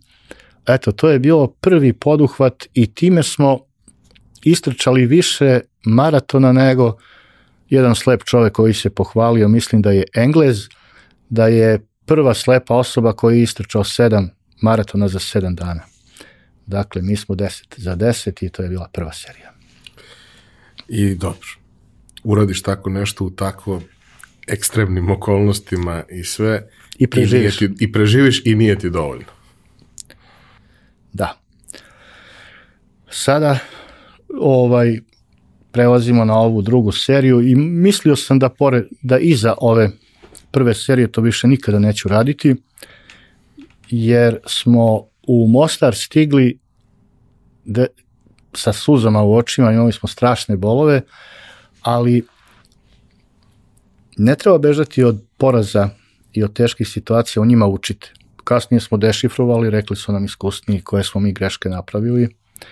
Ovaj, i kad se čovjek odmori razmišlja drugačije. 2013. godine kad sam prestao da radim u ustanovi socijalne zaštite, posvetio sam se klubu i u jednom momentu ne, zna, ne znam ni otkud mi je bilo te hrabrosti, otišao sam u Delta fondaciju s kojom smo mi imali saradnju već od 2000. godine, to je postao već pomalo i poslovno prijateljski odnos, to su divni ljudi. I tu sam video da kada kažete kompanija i mislite na neke limenke pored autoputa ili velelepne staklenike, ne vidite ljude. U kompanijama rade ljudi, samo treba ovaj znati šta je čija ciljna grupa, šta su njihove njihovi planovi i pošto smo mi dobijali redovno kad god smo se obratili donaciju u sportskoj opremi jer je Delta Sport bio u okviru kompanije, obratio sam se s pitanjem da li biste mogli da nam sagradite, pošto imate svoj real estate, je objekat veličine porodične kuće 50 do 70 kvadrata, kako bismo organizovali individualni rad sa mladima oštećenog vida i u momentu mi je odgovoreno da, možemo. Znajući da tamo svako obećanje bude ispunjeno, ovaj, otišao sam radost. Nisam sumnjao, ali je sutradan stigla i sledeća informacija. Predsednica fondacije kaže za njih ne 70, nego 170. A treća informacija je bila već u domenu neverovatnog. Ne, mi ćemo njima sagraditi našu zadužbinu uz molbu da proširimo ciljnu grupu i kada već radimo takav objekat, ovaj da služi i ljudima sa oštećenim, oštećenjem sluha i ljudima sa telesnim invaliditetom, jednom reč jedan paralimpijski centar. Naravno smo pristali i krenuli smo, naš zadatak je bio samo da pronađemo lokaciju. Tražio sam je svuda po Šumadiji, uglavnom u severnoj Šumadiji, pošto sam tu više ljudi znao, ali su se karte otvorile i grad Kragujevac je našao izuzetno kvalitetnu lokaciju na obodima Šumarica, spomen parka, u neposrednom okruženju svih sportskih sadržaja kompresovanih na mikroprostoru. I bazena otvorenih i zatvorenih i hala i gradskog stadiona. Tako da je Iskra sagrađena 2016. godine, tada i otvorena i pored situacije da smo među vremenu imali poplave i da je kompanija dosta pomogla Obrenovcu i mi smo tada bili skeptici da ne odu te pare tamo. I nisu otišli. Tada sam došao na ideju, pošto sam imao loših iskustava sa medijima i nikada nisam uspeo da se dovoljno zahvalim ljudima koji su nas pomagali u sportskoj opremi, jer iako ako spomenete donatora, to ne bude objavljeno, bude isečeno, Ako napišete na grudima i to se iseče snimkom više, prosto jedna nepravedna situacija, jer svim drugim klubovima, sportistima se to tako ne radi. Znači, futbolski klub ima reklamu, košarkaški svi, a kod nas se to radi, a u stvari se radi o donaciji, to nije sponzorstvo. Tako da sam na ideju došao da jednim vanrednim poduhvatom svetla reflektora usmerim na poduh, na ciljnu grupu zbog koje je iskra otvorena i da onda iskoristim priliku da se da spomenem i one koje želim da spomenem, ali je taj poduhvat morao biti wow. Ponovo sam posegao za svojom velikom ljubavlju, trčanjem i pogledao koji je to Guinnessov svetski rekord u broju uzastopno istračanih maratona. U tom momentu je bio 52 za 52 u vlasništvu japanskog atletičara Kusude. Znao sam i osjećao i verovao da mogu i više od toga, ali ne mnogo više jer egzibicionizam i glad za rekordima nisu bili moj cilj, već tek toliko više da to bude sa nečim uporedivo i da zaista bude novi Guinnessov svetski rekord.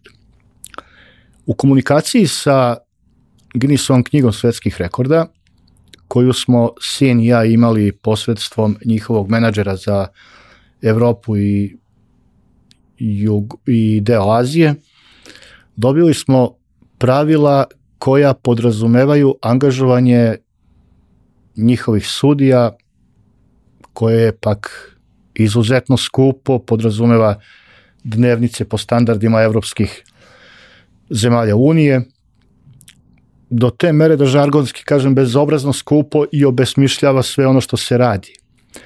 Moj cilj je bio da obavestim javnosti, ciljnu grupu, da u Kragujevcu postoji takav centar, kvalitetno mesto za njihove pripreme, po svim svetskim standardima najvišim koji podrazumevaju sveobuhvatnu pristupačnost, ali da oni koji isto poput nas pronađu kompanije raspoložene da im nešto sagrade, prepišu rešenja i da takvih po principu koncentričnih krugova nikne što više u, u Srbiji. Drugi, druga alternativa je bila da poduhvat, to su proverljive činjenice, najavite, izvedete i dokažete da ste to uradili. Snimanjem svakog koraka, svakog pokreta, izjavama trojice ljudi i tako smo formirali tim od tri čoveka. To je bio moj prijatelj Miroslav Aksentijević, na neki način i vaš kolega, dugogodišnji radnik u medijima, snimatelj, a drugi takođe moj prijatelj Nebojša Jevremović, zdravstveni radnik koji je sledeći instrukcije eminentnog instituta za sportsku medicinu iz Nemačke dozirao do, dozvoljenu suplementaciju, važno je da kažem, koju ja inače ne koristim. I sve je nekako bilo gotovo, gotovo za realizaciju osim sredstava. Pred bilo kog privrednika da stanete i kažete treba mi 7000 evra da realizujem to, prvo će se pitati da li ćeš ti uopšte istrčati 55 nared. Pa iskreno, i ja koji ih trčim, pitao bi se jer postoje veliki rizici svakoga dana. Slučajno sam upoznao ženu koja je sada i moj prijatelj, ona je član Rotary distrikta Srbije i Crne Gore i njena ideja je bila da u gradovima kroz koje trčim, a tamo postoje Rotary klubovi, oni preuzmu domaćinstvo, budu logistika u delu ishrane, smeštaja toga dana i goriva za narednu etapu, tako da je to na jedan, rekao bih, elegantan, praktičan, fini način realizovano. To je, taj poduhvat je omogućio da upoznam puno ljudi, da se ponovo nađem u gradovima u kojima sam nekada bio i da dođem u one u kojima nisam bio, omogućilo mi je da snagom svojih mišića, kapacitetom svojih pluća, jačinom svoje volje, dođem u te gradove što su ljudi cenili i da u nekoj punoj meri brzine uživam u predelima kroz koje prolazim. Jer vi to ne možete doživeti kada se vozite prevozom.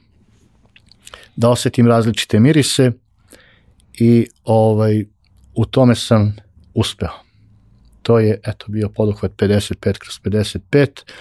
E, bio sam siguran da će takav poduhvat koji iskače iz klišeja i, i, i, i u zoni je ekstremnih poduhvata mora da privuče pažnju medija i da zaista ono što sam očekivao dogodilo se. Ceneći napor koji sam uradio, svi su objavili ono što sam rekao, što ranije nije bio slučaj. Eto, u tome sam uspeo i svima je nama bilo drago posle toga.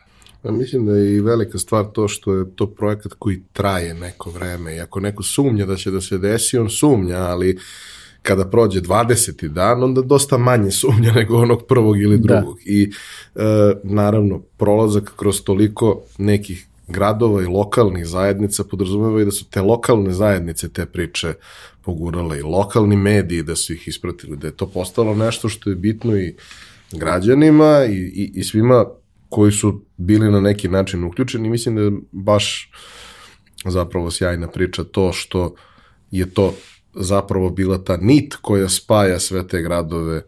E, od kad do kad je trajao poduhvat? Poduhvat je trajao od 3. septembra do 27.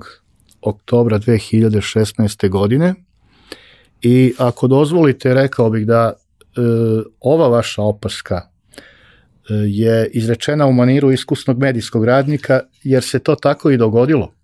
Ovaj, pažnja se vremenom po, povećavala I na moje veliko iznenađenje, ovaj, kada sam prešao granicu nakon Loznice pa smo išli u Bijeljinu, u mnogim gradovima je to bilo za neočekivati. U Bijeljini pre svega, ali najveće iznenađenje je bio veliki broj medija u pljevljima. Tada sam e, se suočio sa jednim ovako e, e, e, detaljom koji je bio isprovociran novinarskim pitanjem, ako dozvolite da kažem. Ovaj, to često volim da pričam. Pazite, trčim negde od granice BiH prema Pljevljima i to je ambijent koji ja nisam do tada doživeo. To, je, to su kadrovi koje sam viđao na slikama i viđao sam ih i putujući iz voza ili, ili automobila. Ali to je bio moment kada vi to živite. Tu smo nebo i ja. Bezbrižni čobani koji leže na travi ili sede, čuvaju svoja stada i krave. Oni proplanci što su malo šareni, kamenoviti i travnjati, a moji prijatelji su videli ono što ja nisam. To je takva bezbrižnost i svo vreme ovih sveta, tih ljudi koji uživaju u miru i oni kaže, ti čobani leži, čačkaju travkama zube, oni svo vreme ovog sveta. Ta stada su smirenija nego ona koja, koja su u tovovima. Pa onda pogledaš na sat, sat vremena je prošlo da ne osetite. I tako do pljevalja. A onda sledeće pitanje, postoji li pljevaljska šuma mlada kraj pljevalja starog grada i onda ulazimo u tu borovu šumu, to je ta šuma. Bila je subota ili nedelja, čeka me jedna grupa, ja mislim, rukometnog kluba rodara iz pljevalja i onda veliki broj kamera, kao da se u malim pljevljima, kao da se najavljuje neki važan državni događaj. E, često tu budu i novinari kojima sport nije primarno oblast kojom se bave i čujeno novinarsko pitanje kad ne znaju šta vas pitaju ovaj, šta to za vas znači. Ali sam i steko toliko iskustva kasnije da upravo tu kažem ono što ja hoću. ovaj, I onda sledeće pitanje, zbunjene novinarke, to sam zapazio, kao a kako ste vi po ovim vrletima ovde kaže, evo, 50 je dan i mislim da je to bio razlog što oni, ih je toliko bilo. I uzbrdo i nizbrdo, kako, kako ste to podneli? A ja sam ušao sveži kažem, evo ovako. U razmišljanjima o tome da ako postoji neka druga dimenzija života i u njoj raj, ljudima koji ovde žive raj ne sleduje, žive ga tu, oni ga žive sada. I onda je tak, takva ozarenost nastala svih tih ljudi I zapravo to jeste bila emocija koja me nosila, ja nisam morao ništa da smišljam i da filujem, to je bio taj prvi utisak, a bilo je još lepih ovaj, u toku maratona. Dobro, i to je, taj projekat je završen i šta je on kao posledica doneo? Kao posledicu je doneo mnoga izgrađena prijateljstva, zahvaljujući sredstvima govorim tačno u iznosu 420.000 dinara, za koje smo kupili par golova za golbel, doveli jednu grupu košarkaša u kolicima, ne, pardon, sedeće odbojke iz Kaknja i izgradili novo veliko prijateljstvo.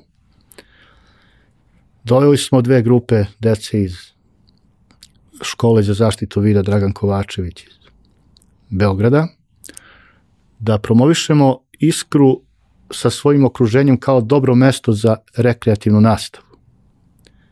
I mnogo lepih stvari i mnogo novih planova, ali je bilo i ružnih, ako dozvolite, i treba da se kažu. E, ta ružna stvar je bila jedna moja velika sramota koju sam osjećao prema prijateljima iz Sente, a oni su bili tako divni. Sente je bila neki 11. dan i tamo su nas oni izuzetno lepo sačekali i ugostili i pozvali na večeru.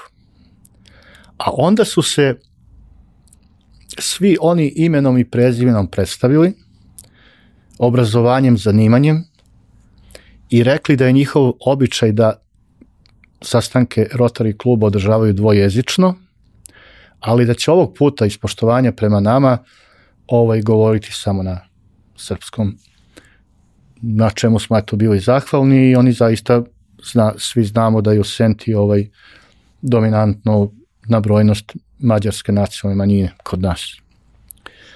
To je bio sastav ljudi intelektualaca, obrazovanih, divnih inženjera i ustao je jedan divan gospodin i kaže ja sam Ištvan Vašaš, inženjer hortikulture u penziji. Ja bavim se proizvodnjom ruža i imamo udruženje koje za Holandiju izvozi 2 miliona ruža godišnje. Sve se primaju, ne postoji procenat i ne bismo ih mogli izvoziti tamo. Ja želim da iskri poklonim 500 ruža.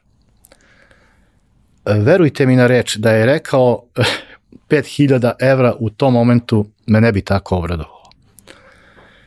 Ovaj, I molim te, rekao je, javi se kada stigneš, ti se vraćaš krajem oktobra i počinje vreme sadnje, ja ću to pripremiti da se dogovorimo kako da vam to dovezemo.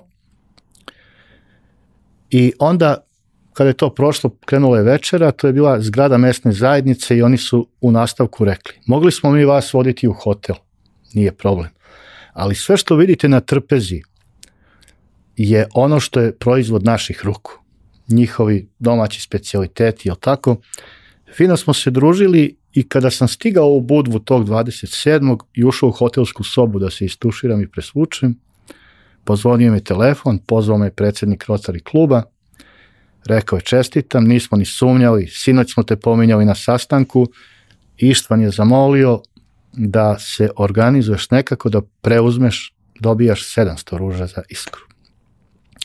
Ali rekao tada i ovo, ako je to velika količina za iskru, jer ne znam koliki je krug, poklanjam definitivno gradu Kragujevcu, pa neka grad to negde raspored. I zaista smo se mi organizovali, pozvali smo ih, pošto imamo smeštajne kapacitete u Iskri. Jedan kombi, ja mislim od, 10, od 15 ljudi je njih došao, dogovorili smo se sa gradskim zelenilom u Kragujevcu da te ruže budu u trapu kod njih, jer su krenuli mrazevi, simbolično posadili neke u Iskri i on je dao gospodin Vašaš je dao sve instrukcije inženjerki hortikulture koleginici kako da ih utrapi do proleća da ne promrznu. I onda je, kada smo ih stavili tamo na neki beton, radnica pitala šta sada. Ona kaže, to je to. Gospodin Vašaš me je onda povuku za rukav i šapnuo, molim te, nije to to. Ponovim još jednom i neka ih ne, kaži direktorki da ih utrape. Greh je da te ruže propadnu. Mi smo u Iskri posadili što smo posadili, kada sam u proleće pozvao, a još jednom sam poslao poruku preko članice gradskog veća da ih opomenu, da ih sačuvaju.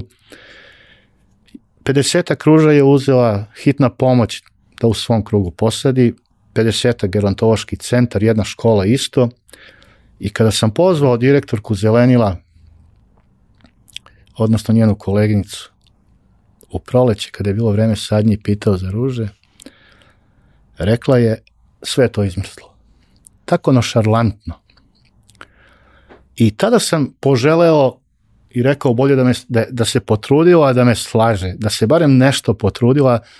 To je za mene bio takav blam, a bio je dogovor da oni kada posadimo ruže opet dođu, da odemo ovaj, da vidimo gde je to i osjećao sam veliku neprijatnost, zbog toga sam poželeo i jedino sam se tu umešao u, u, kada je moj tim pravio rutu da kada smo emitovali film i promovisali posle knjigu koja su iza toga urađeni, da prvu etapu počnem iz Sente i javno sam pred punom salom od stotinak ljudi rekao kao i vama šta se dogodilo, izvinio se da bi taj divni gospodin Ištvan rekao pa bolje da su dali domaćinima i da to bude u nečijim dvorištima. Ne zamerite mi što sam bio ovako opširan, ali sam hteo da kažem jednu veoma važnu stvar, da je posle svega ostao taj gorak ukus, da sve što date zajednici na korišćenje, upravljanje i održavanje nekako je prosto kod nas ovakvih kakvi smo osuđeno na zapuštanje i na nemar. To je taj jedini gorak utisak koji je meni ostao nakon poduhvata 55. To je taj moment koji smo svi negde u, u životu ovaj, shvatili da kada ljudima daš nešto na poklon, oni to obično ne umeju da cene. I to je tužno i strašno, ali kad pogledaš koliko je zapravo kroz razne projekte bilo prilika da se neke stvari urade tuđim novcem ili dominantno tuđim novcem, možda uz neko, neki lični ovaj, doprinos, e, čim postoji tuđi novac, prema tome se ljudi odnose, odnos, ili nek, nekakav proizvod, prema tome se ljudi odnose kao da nema nikakvu vrednost, jer oni nisu morali da se oznoje za, za to i to je, to je stvarno strašno. Dobro, to je prvi poduhvat. Drugi poduhvat je bio 77 za 77. Zašto pobogu? Vidite, imao sam uh, jedan razgovor sa prijateljem koji me je, koji u meni bio kidač da razmišljam u, u, u ovom smeru, pošto već znate priču o tandem biciklima, sve me je prijatelj na ulici posle prvog odlaska za Mostar i pitao me ovo, kaže, gde si bio ti pre pet godina s svojim tvojim tandemima? Pa rekao, zašto pre pet godina? I on kaže, vidi, mom prijatelju se porodi supruga, dobije sina, kao svaki Balkanac, pres, kao većina Balkanaca presrećan, Biće to tatin futbaler, košarkaš, rukometaš, Novak, jel?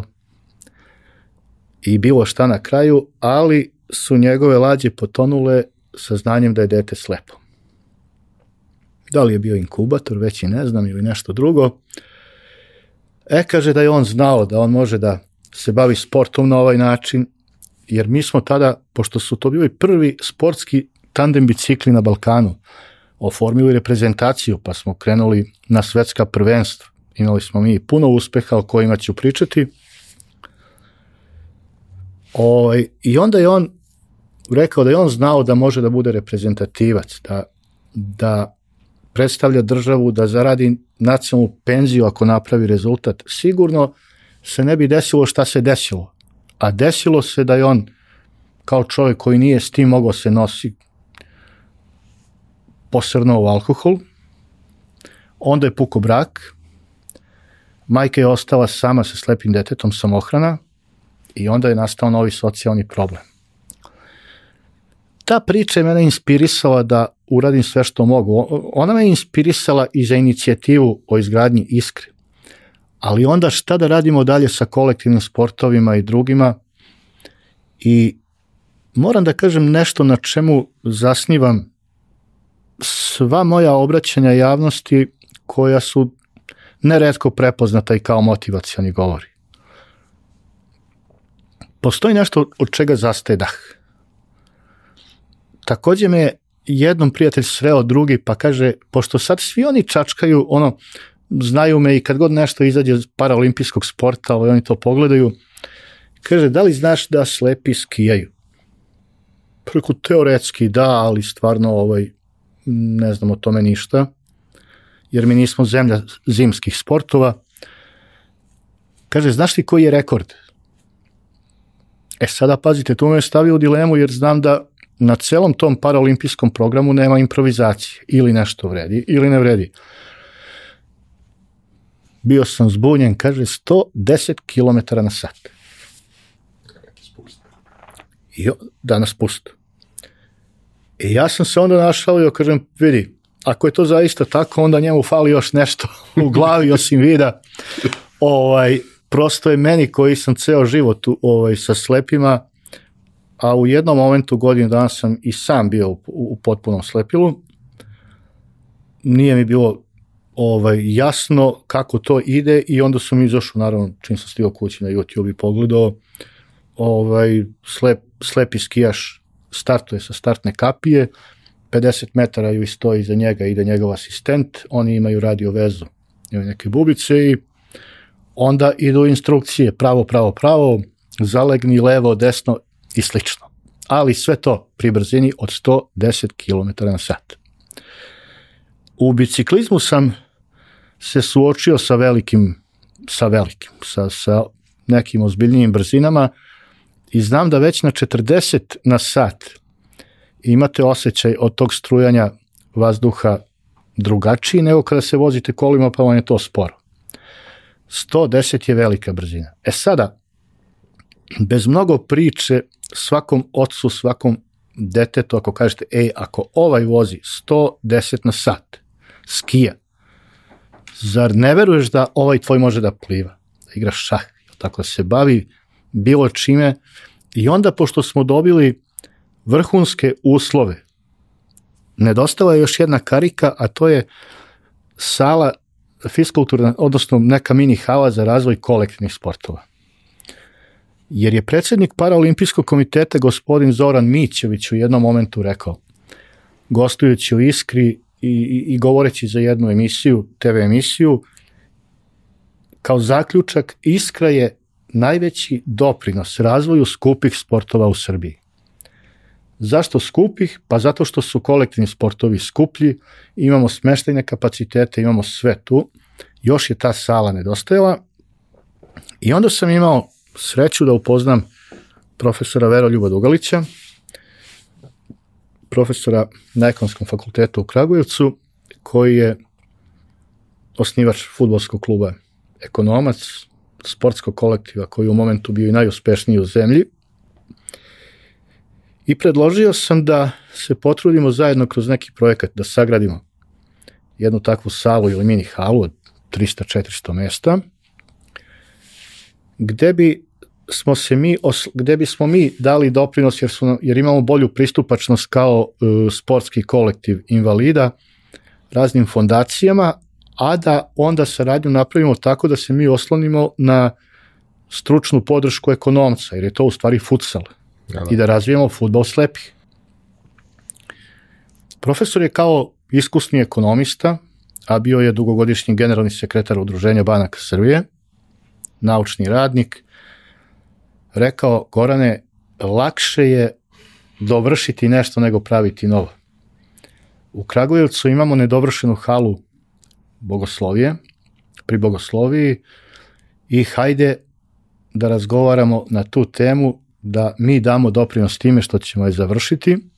Studenti bogoslovije će dobiti konačno svoju halu, ekonomac će imati svoju halu i igraće pred punim tribinama.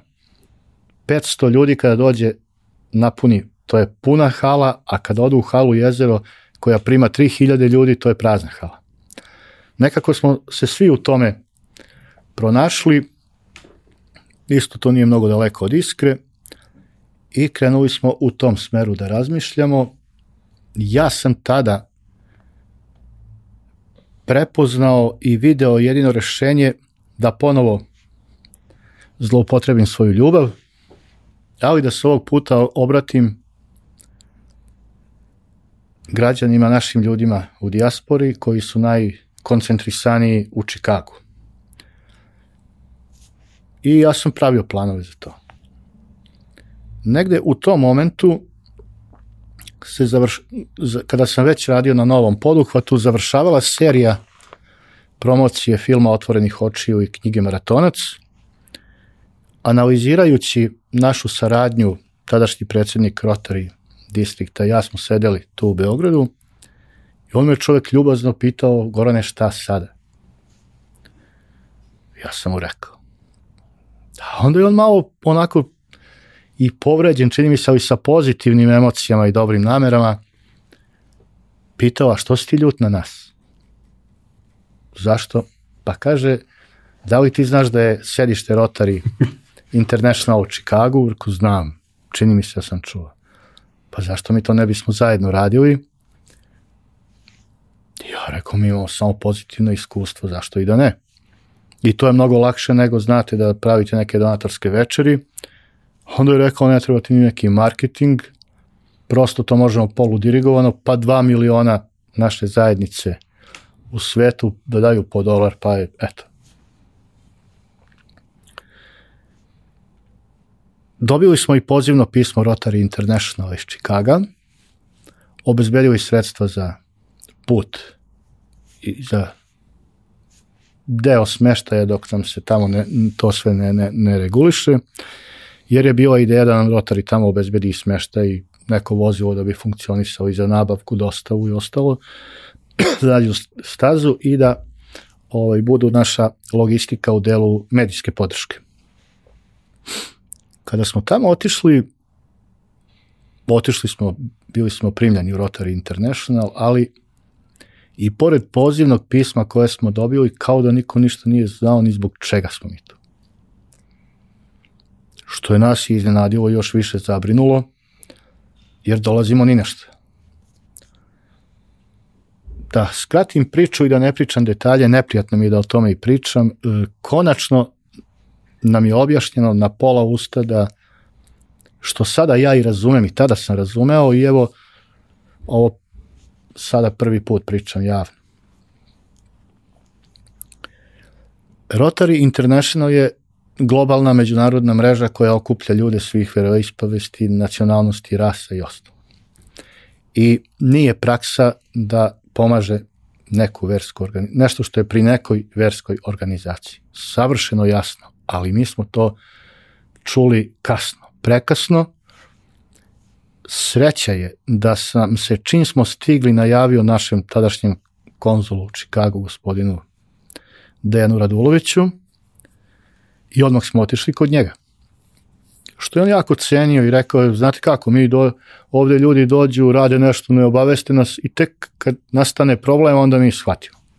I onda nas zovu. On je i došao na moj start, ali sam tada pitao, objasnio sam situaciju i zamolio da ako možemo da nas poveže sa nekim od naših manastira, da zamolimo za neku vrstu logistike i on nas je uputio u manastir Nova Gračanica, samo kaže da vidim da li je tu otac Serafim i da li je u zemlji. E, znate, to mi je bila večnost. da nije, možemo da se vratimo, a i ne možemo da se vratimo. Karte su povratne na četiri meseca. Sve to skupa igračka i sve drastično menja celu situaciju.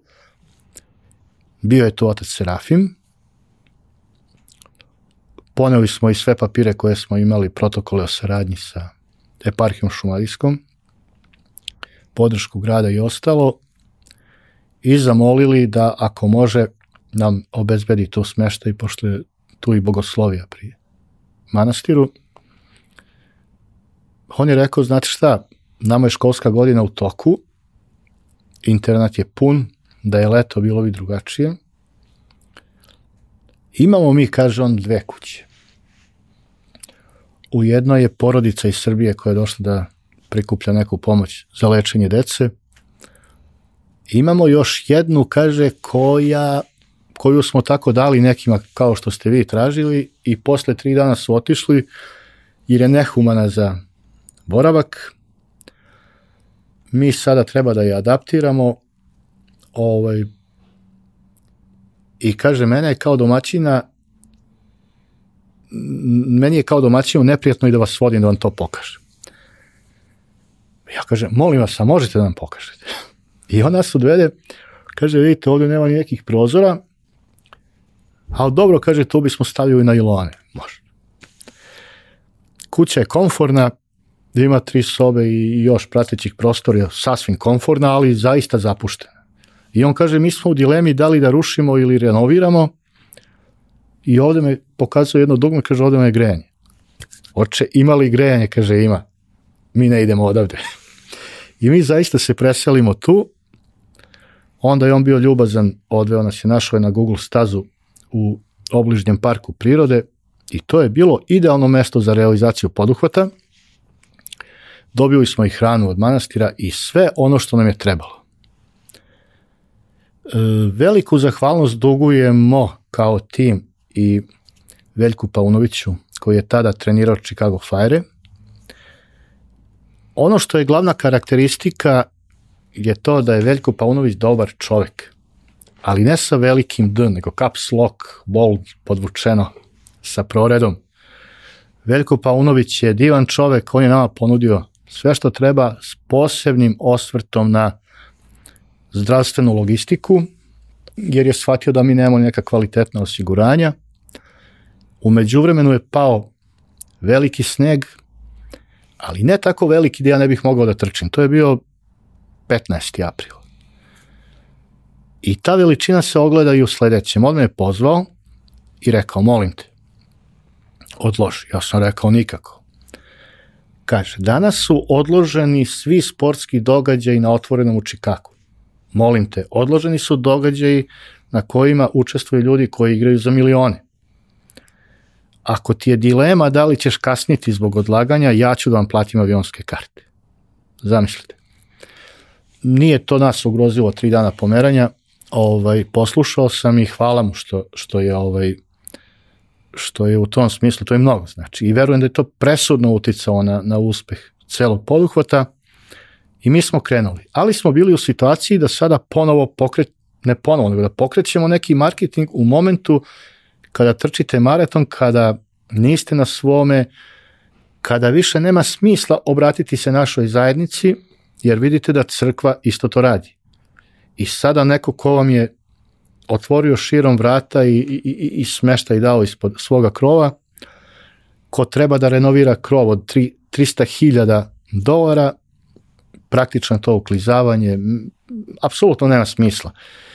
Pokušali smo sa nekim našim novim prijateljima tamo da osmislimo neki novi marketing. Sve to išlo sporo da bi u nekom momentu na inicijativu jednog prijatelja otvorili onu famoznu aplikaciju GoFundMe, gde je takođe sve išlo neočekivano sporo i dobili smo tumačenje, to je bilo već na pola serije, iznos je 600.000 dolara. Taj zacrtani, ljudi su skeptični da će se tako veliki novac sitnim donacijama skupiti za kratko vreme i bukvalno neće da bacaju novac. Ljudi žele da vide Neki da se kad tu nešto... pređe negde 40% kreće da, Da. se dešava nešto. Da. I ovaj, tako da sam ja bio veoma potišten i ono što sada želim da vam kažem je nešto što volim da podelim sa ljudima, jer su to reči duhovnika.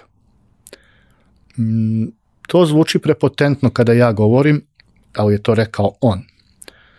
Nekog 70. dana kada sam shvatio da od onoga što je moj cilj bio nema ništa, uz najveću dozu ne- neprijatnosti da ostanem samo čovek koji se takmičio sa štopericom i danima, koji liči na jednog egzibicionistu. E, na sajtu koji sam, za koji sam pisao tekstove, a moj sin ih je ažurirao, napisao sam pobeda sa okusom žuči. Ili u nastavku ovaj porazom do po, tako nekako, ali tek ovaj, mnogi su me zvali i pitali zašto si potonuo. Prosto nisam ostvario cilj. E, jedva sam čekao svakako da dođem kući, ali mi je bilo i, i od toga neprijatno. I onda me je 71. dana pozvao otac Serafim i rekao ovako, pitao me prvo Gorane 71. Da. Kaže, ja sam bio iznenađen da on to uopšte i prati. Nismo se mi više često ni viđali. I kaže ovako, svojim studentima sada govorim i imate sreću da vidite šta je Bog u čoveku, a pričat ću i generacijama dolazeći. On svako jutro obuje patike i uradi ono što je do njega. Iako zna da neće uspeti na kraju. Uspeće kad tad. I molim te, pod svodovima si manastirskog krova i razmisli o tome da to može da bude i bogohuljenje. Dato ti je onoliko koliko je rečeno u ovom momentu. Ne da se sve onoliko koliko hoćeš i kada hoćeš, nego onoliko koliko je rečeno i kada je rečeno. I to me je nekako mnogo povratilo u smislu da razmišljam o danu posle, kada sve završimo, kako da tu prepoznatljivost iskoristim, na koja vrata da zakucam i kako na kraju da, da realizujem ono zbog čega sam otišao. Bilo je to veliko ohrabrenje, a onda, kako je i naslutio otac Serafim, dogodi se sledeće. Po povratku iz Čikaga sam pozvan iz uprave grada i službe protokola da me obaveste da gradonačelnik želi da mi priredi doček. On me je ispratio, tada je to bio Radomir Nikolić. I pitali su me koga sve želim od, svo, od prijatelja, saradnika da grad pozove. Bilo je tu stotinak ljudi. I onda je on nakon obraćanja moderatora, je tako ustao i odnosno pozvan sam da ja nešto kažem, on je ustao i ono što mi je tada uručio kao poklon bio je zlatnik sa likom Svete Bogorodice. I rekao mi sledeće, zagrlio me i rekao, znaš li šta mi samo ovde nedostaje? Rekao, ne znam. Vidi, kaže, pa ja kažem, ja nisam ispunio cilj, to meni nedostaje. Ja sam u tom duhu i govorio, tako potišten, tada mi se više plakalo nego, ne, nego što mi je, mislim, znate, priređuju vam doček, a vi niste uradili ono zbog čega ste otišli. I on je rekao, ja nisam planirao da govorim i znaš da ne volim mnogo pred kamere i pred medije. Ali mi nedostaje tvoj osmeh i ti si uspeo. To i nije bio tvoj posao. Ti si nas podsjetio da, i to je bila moja stalna poruka, želim da, da, da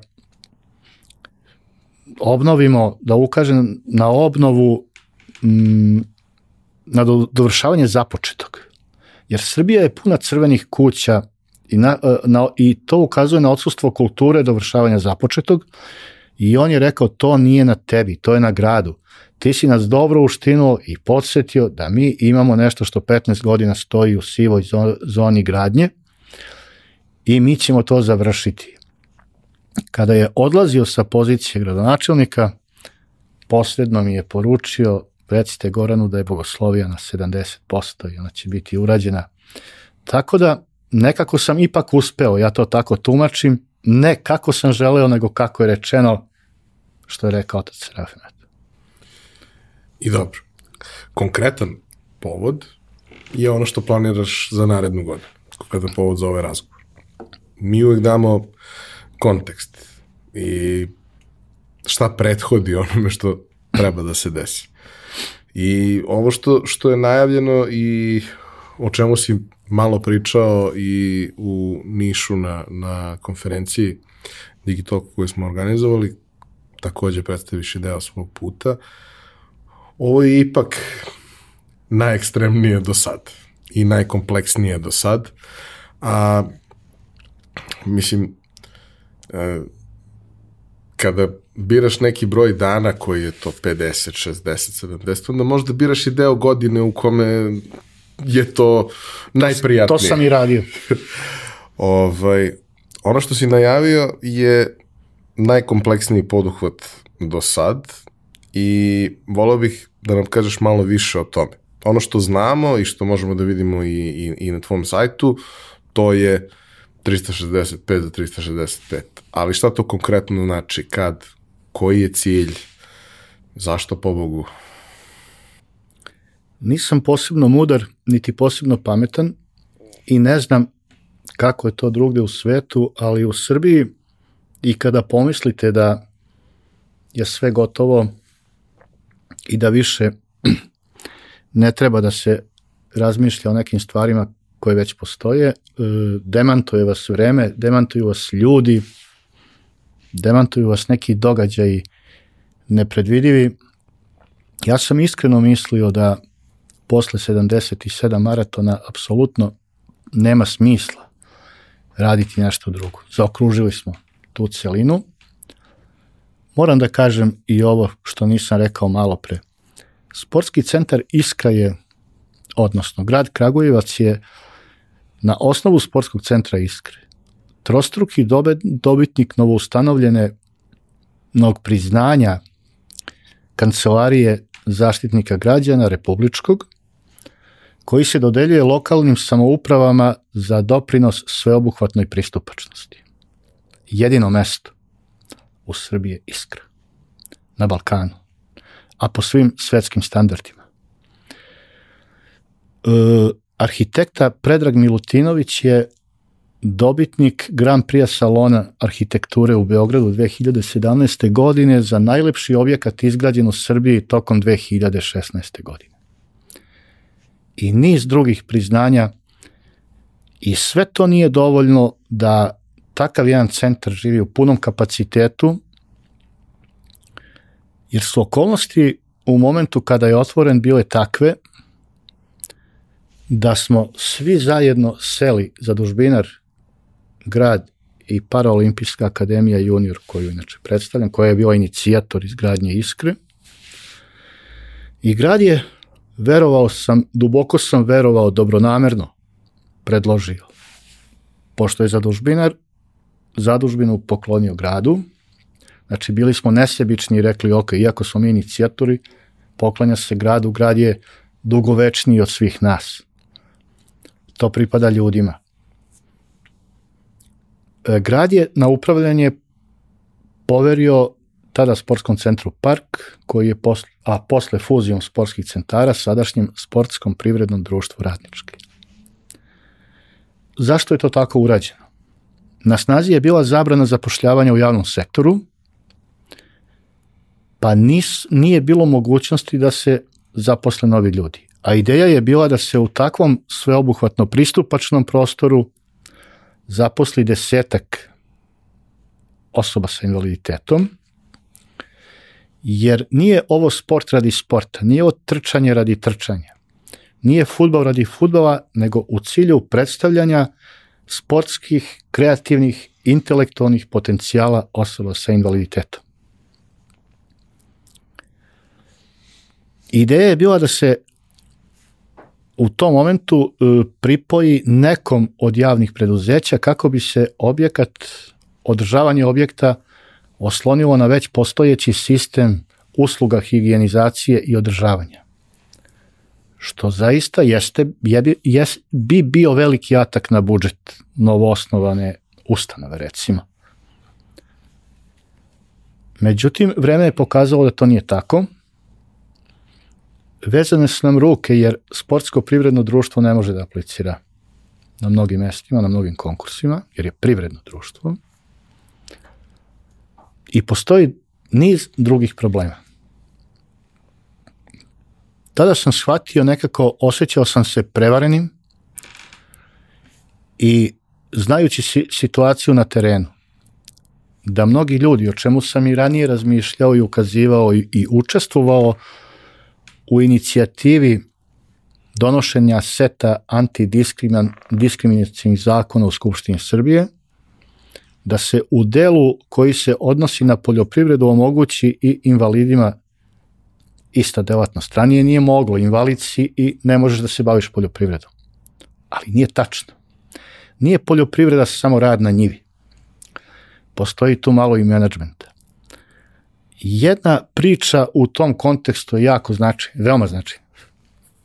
Odnosi se na nastup parabiciklističke reprezentacije na naš debi u Francuskoj u Bordeaux, jer tandem biciklizam je na paraolimpijskom programu od 76. mi 2007. prvi put idemo na svetsko prvenstvo. U startnoj zoni, gde smo svi mi, a bili smo s kraja pored ograde, pojavljuje se grupa naših ljudi jel tako, koji žive u Francuskoj i jedan nam prilazi bio ako posebno raspoložen, imaš li ti tremu, imaš li ti, svi se oduzeli od treme, pita mene, a ti? Tako, apsolutno ne. Što si došao? Mislim, logično. Ja mu kažem, pazi, meni je 41 godina. Paraolimpijski sport nije šala. Is, ovaj, tu su mladi ljudi u punoj formi, takmičarskoj, ja sam rekreativac. I kažem mu, došao sam da vidim i da prepišem nešto što možemo da implementiramo kod nas dokle je stigo svet. Mi smo tek tada videli s kakvim smo biciklima došli. Tada su se vozili bicikli od 10.000 evra i, i više. Sada je Paralimpijski komitet kupio naš, našoj posadi jedan, jedan tandem od 10.000 evra. Jer su imali dobre rezultate. I taj čovek dođe sutradan i kaže, ej, ti što nemaš tremu, ajde da te vodim na kafu. I mi odemo, ne znajući šta sledi, kod njega kući i vidim veliko domaćinstvo, slično našim seoskim domaćinstvima. i kaže sad te vodim na tavan. Na tavan štale i mi idemo stazom poput serpentina sa blagim padom. Prvo mi je pomisao bila da ta staza služi iznošenju stočne hrane na tavan i tamo sam video neke bale sena u ogromnim količinama. Rekao, to je to. I onda kaže, ovo je moj otac. Čikica u kolicima, priđe tom stogu slame, uzme, odnosno sena, uzme tu kocku, stavi na krila i dođe kod ovog šubera, tako se valjda to zove, koji je iznad jasli, jasala, odveže i baci u jaslu. Pogledajte sada tu koju alternativu je neko smislio. A da ne govorimo o tome da u stigu, u stiškom kraju, okolini Požarevca, ima nekoliko ljudi koje znam da su ostali sami, naravno, posle smrti roditelja, sa 10 ili 15 hektara zemlje sa mašinerijom. Zašto on ne može da bude dobar menadžer na svojoj zemlji, jel tako, da ugovara, da dogovara da vodi posao i naravno to vrlo uspešno rade mnogi ljudi. Imamo u Beogradu iskusne programere. Ovo su ipak jednostavniji poslovi. Iskra je osmišljena kao centar u kojem bismo mi ljudima ukazali na takve alternative pa nisu svi za trčanje. I pobogu kada bismo svi trčali, čemu to? Ili svi radili isti posao. Mm, kažem, trčanje je ovog puta samo način da se skrene pažnja i usmeri tamo prema onima kojima je potrebno. Elem, moja porodica ima porodičnu kuću na Kosmaju, u prelepom selu Velika Ivanča na južnim padinama Kosmaja. U neposrednom okruženju te lokacije su dve od recimo pet top banja u Srbiji, to su Selters i Bukovička. One su posebno dobre za, za rehabilitaciju ljudi koji imaju problema sa prelomima kostima i u toku ratnih sukoba u zemlji i okruženju zaista Selters je bio prepun ovaj, tih ljudi koji su imali probleme. U jednom momentu sam pomislio da nije vreme za ovo, za to što sam, o čemu razmišljam, u februaru kada su počeli nemili događaj u Ukrajini, ali sam shvatio da ovo u stvari jeste pravi moment. Jer mi živimo na jednom malom kontinentu, da je razdaljina između nas i prostora na kojem se sada prekomerno upotrebljavaju eksplozivna sredstva – manji od površine teritorija nekih većih država sveta. To nam je mnogo blizu. I mi kao ljudi iz neposrednog okruženja trebamo da imamo i ličnu odgovornost, ali i društvenu i kolektivnu da se u nekom momentu kada bude ljudima potrebna rehabilitacija uključimo. Jer na tom mestu gde želimo da radimo kamp, u tim banjama imamo vrhunske stručnjake, vrhunsku diagnostiku, dobre klimatske uslove, kvalitetne vode i sve uslove da se nađemo ljudima tada, imamo dobre trenere, licencirane ljude, da ih usmerimo, da im ukažemo koji je, koja je to široka lepeza paraolimpijskih disciplina,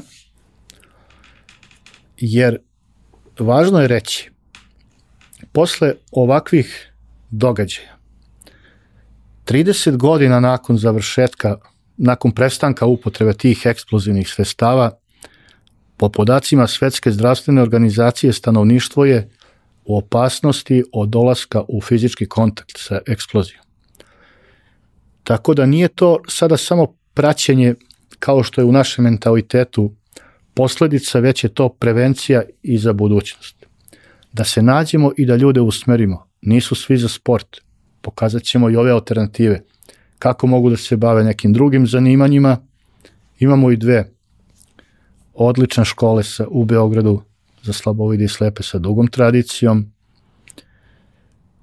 Tako da sam eto rešio da ovoga puta sa 365 maratona, jer besmisleno je ponavljati ono što se ponavljalo, a da biste opet skrenuli pažnju morate da budete ovaj mnogo više prisutni u javnosti i da na taj način pokažemo, pokažem i drugima da im često pričam, jer sada e, ove platforme i ovi novi formati kao što je i ovaj koji, sa, koji, koji sam zavoleo podcast omogućavaju da budemo prisutni, da, bu, da imamo svako svoj mediji i da te informacije koje će se redko naći, vama hvala što omogućavate da nas govorimo o ovome, ovo ćete malo gde dobiti prostora da ovo, ovoliko govorite. Ja sam počeo da govorim malo brže od kako e, sam imao priliku da nastupam u medijima, upravo da bih iskoristio vreme koje je mnogo kraće na televiziji. Kažem, e, e, to je želja da, da ljude pokrenemo da razmišljaju o alternativama. Jer ja sam od ranog detinjstva do sada uvek u sebi istraživao neke alternative i one su, što kažu, najbolji način da, da, da ovaj ljudi budu aktivni, korisni i da budu putokaz drugima kako se to može. Kad je po planu da krene? Plan je da krenemo 2023. dakle naredne godine u periodu između marta i septembra i u ovoj situaciji je potrebno na neki način odabrati vreme za start, jer e, nije pametno početi u toku zime i nije pametno poći pred zimu, ali u ovom momentu moramo da razmišljamo i o drugim organizacionim detaljima, reči o komplikovanoj organizaciji. Znate, kada dođe do toga da kada stanete na startnu liniju, onda i ranije ljudi iz mog tima kažu, e sad je Goranovo samo da trči. I to je možda i najslađe. Ovaj, iako je to maraton, iako su veliki izazovi i visoki rizici, to je slatko, jer vi onda sanjate, razmišljate i ovaj, mislim da da uklopit ćemo se sigurno u, u taj termin. Dobro.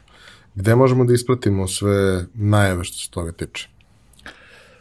U saradnji sa timom prijatelja, dragih ljudi, marketing agencijom MM Editing, koja je pokrenula sajt na moje ime. E,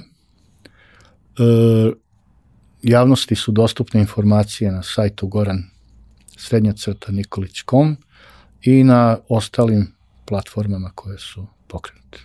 Dakle, tu možemo da ispratimo šta se dešava i kako su planovi, a na koji način možemo da se uključimo.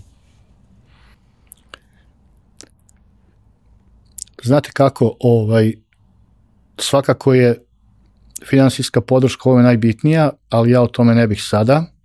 To je pitanje za one velike sisteme koji bi ovaj do kojih želimo da dopremo i sada smo u fazi da ovaj pre svega predstavimo ono što radimo i ovo je već veliki doprinos da budemo prisutni, viđeni, saslušani i da vaši pratioci, jel tako, shvate da im bude jasno da ovo nije egzibicijani poduhvat, da ovo nije trčanje radi trčanja i mislim da kada ljudi shvate suštinu, oni koji to mogu da podrže, podržat će.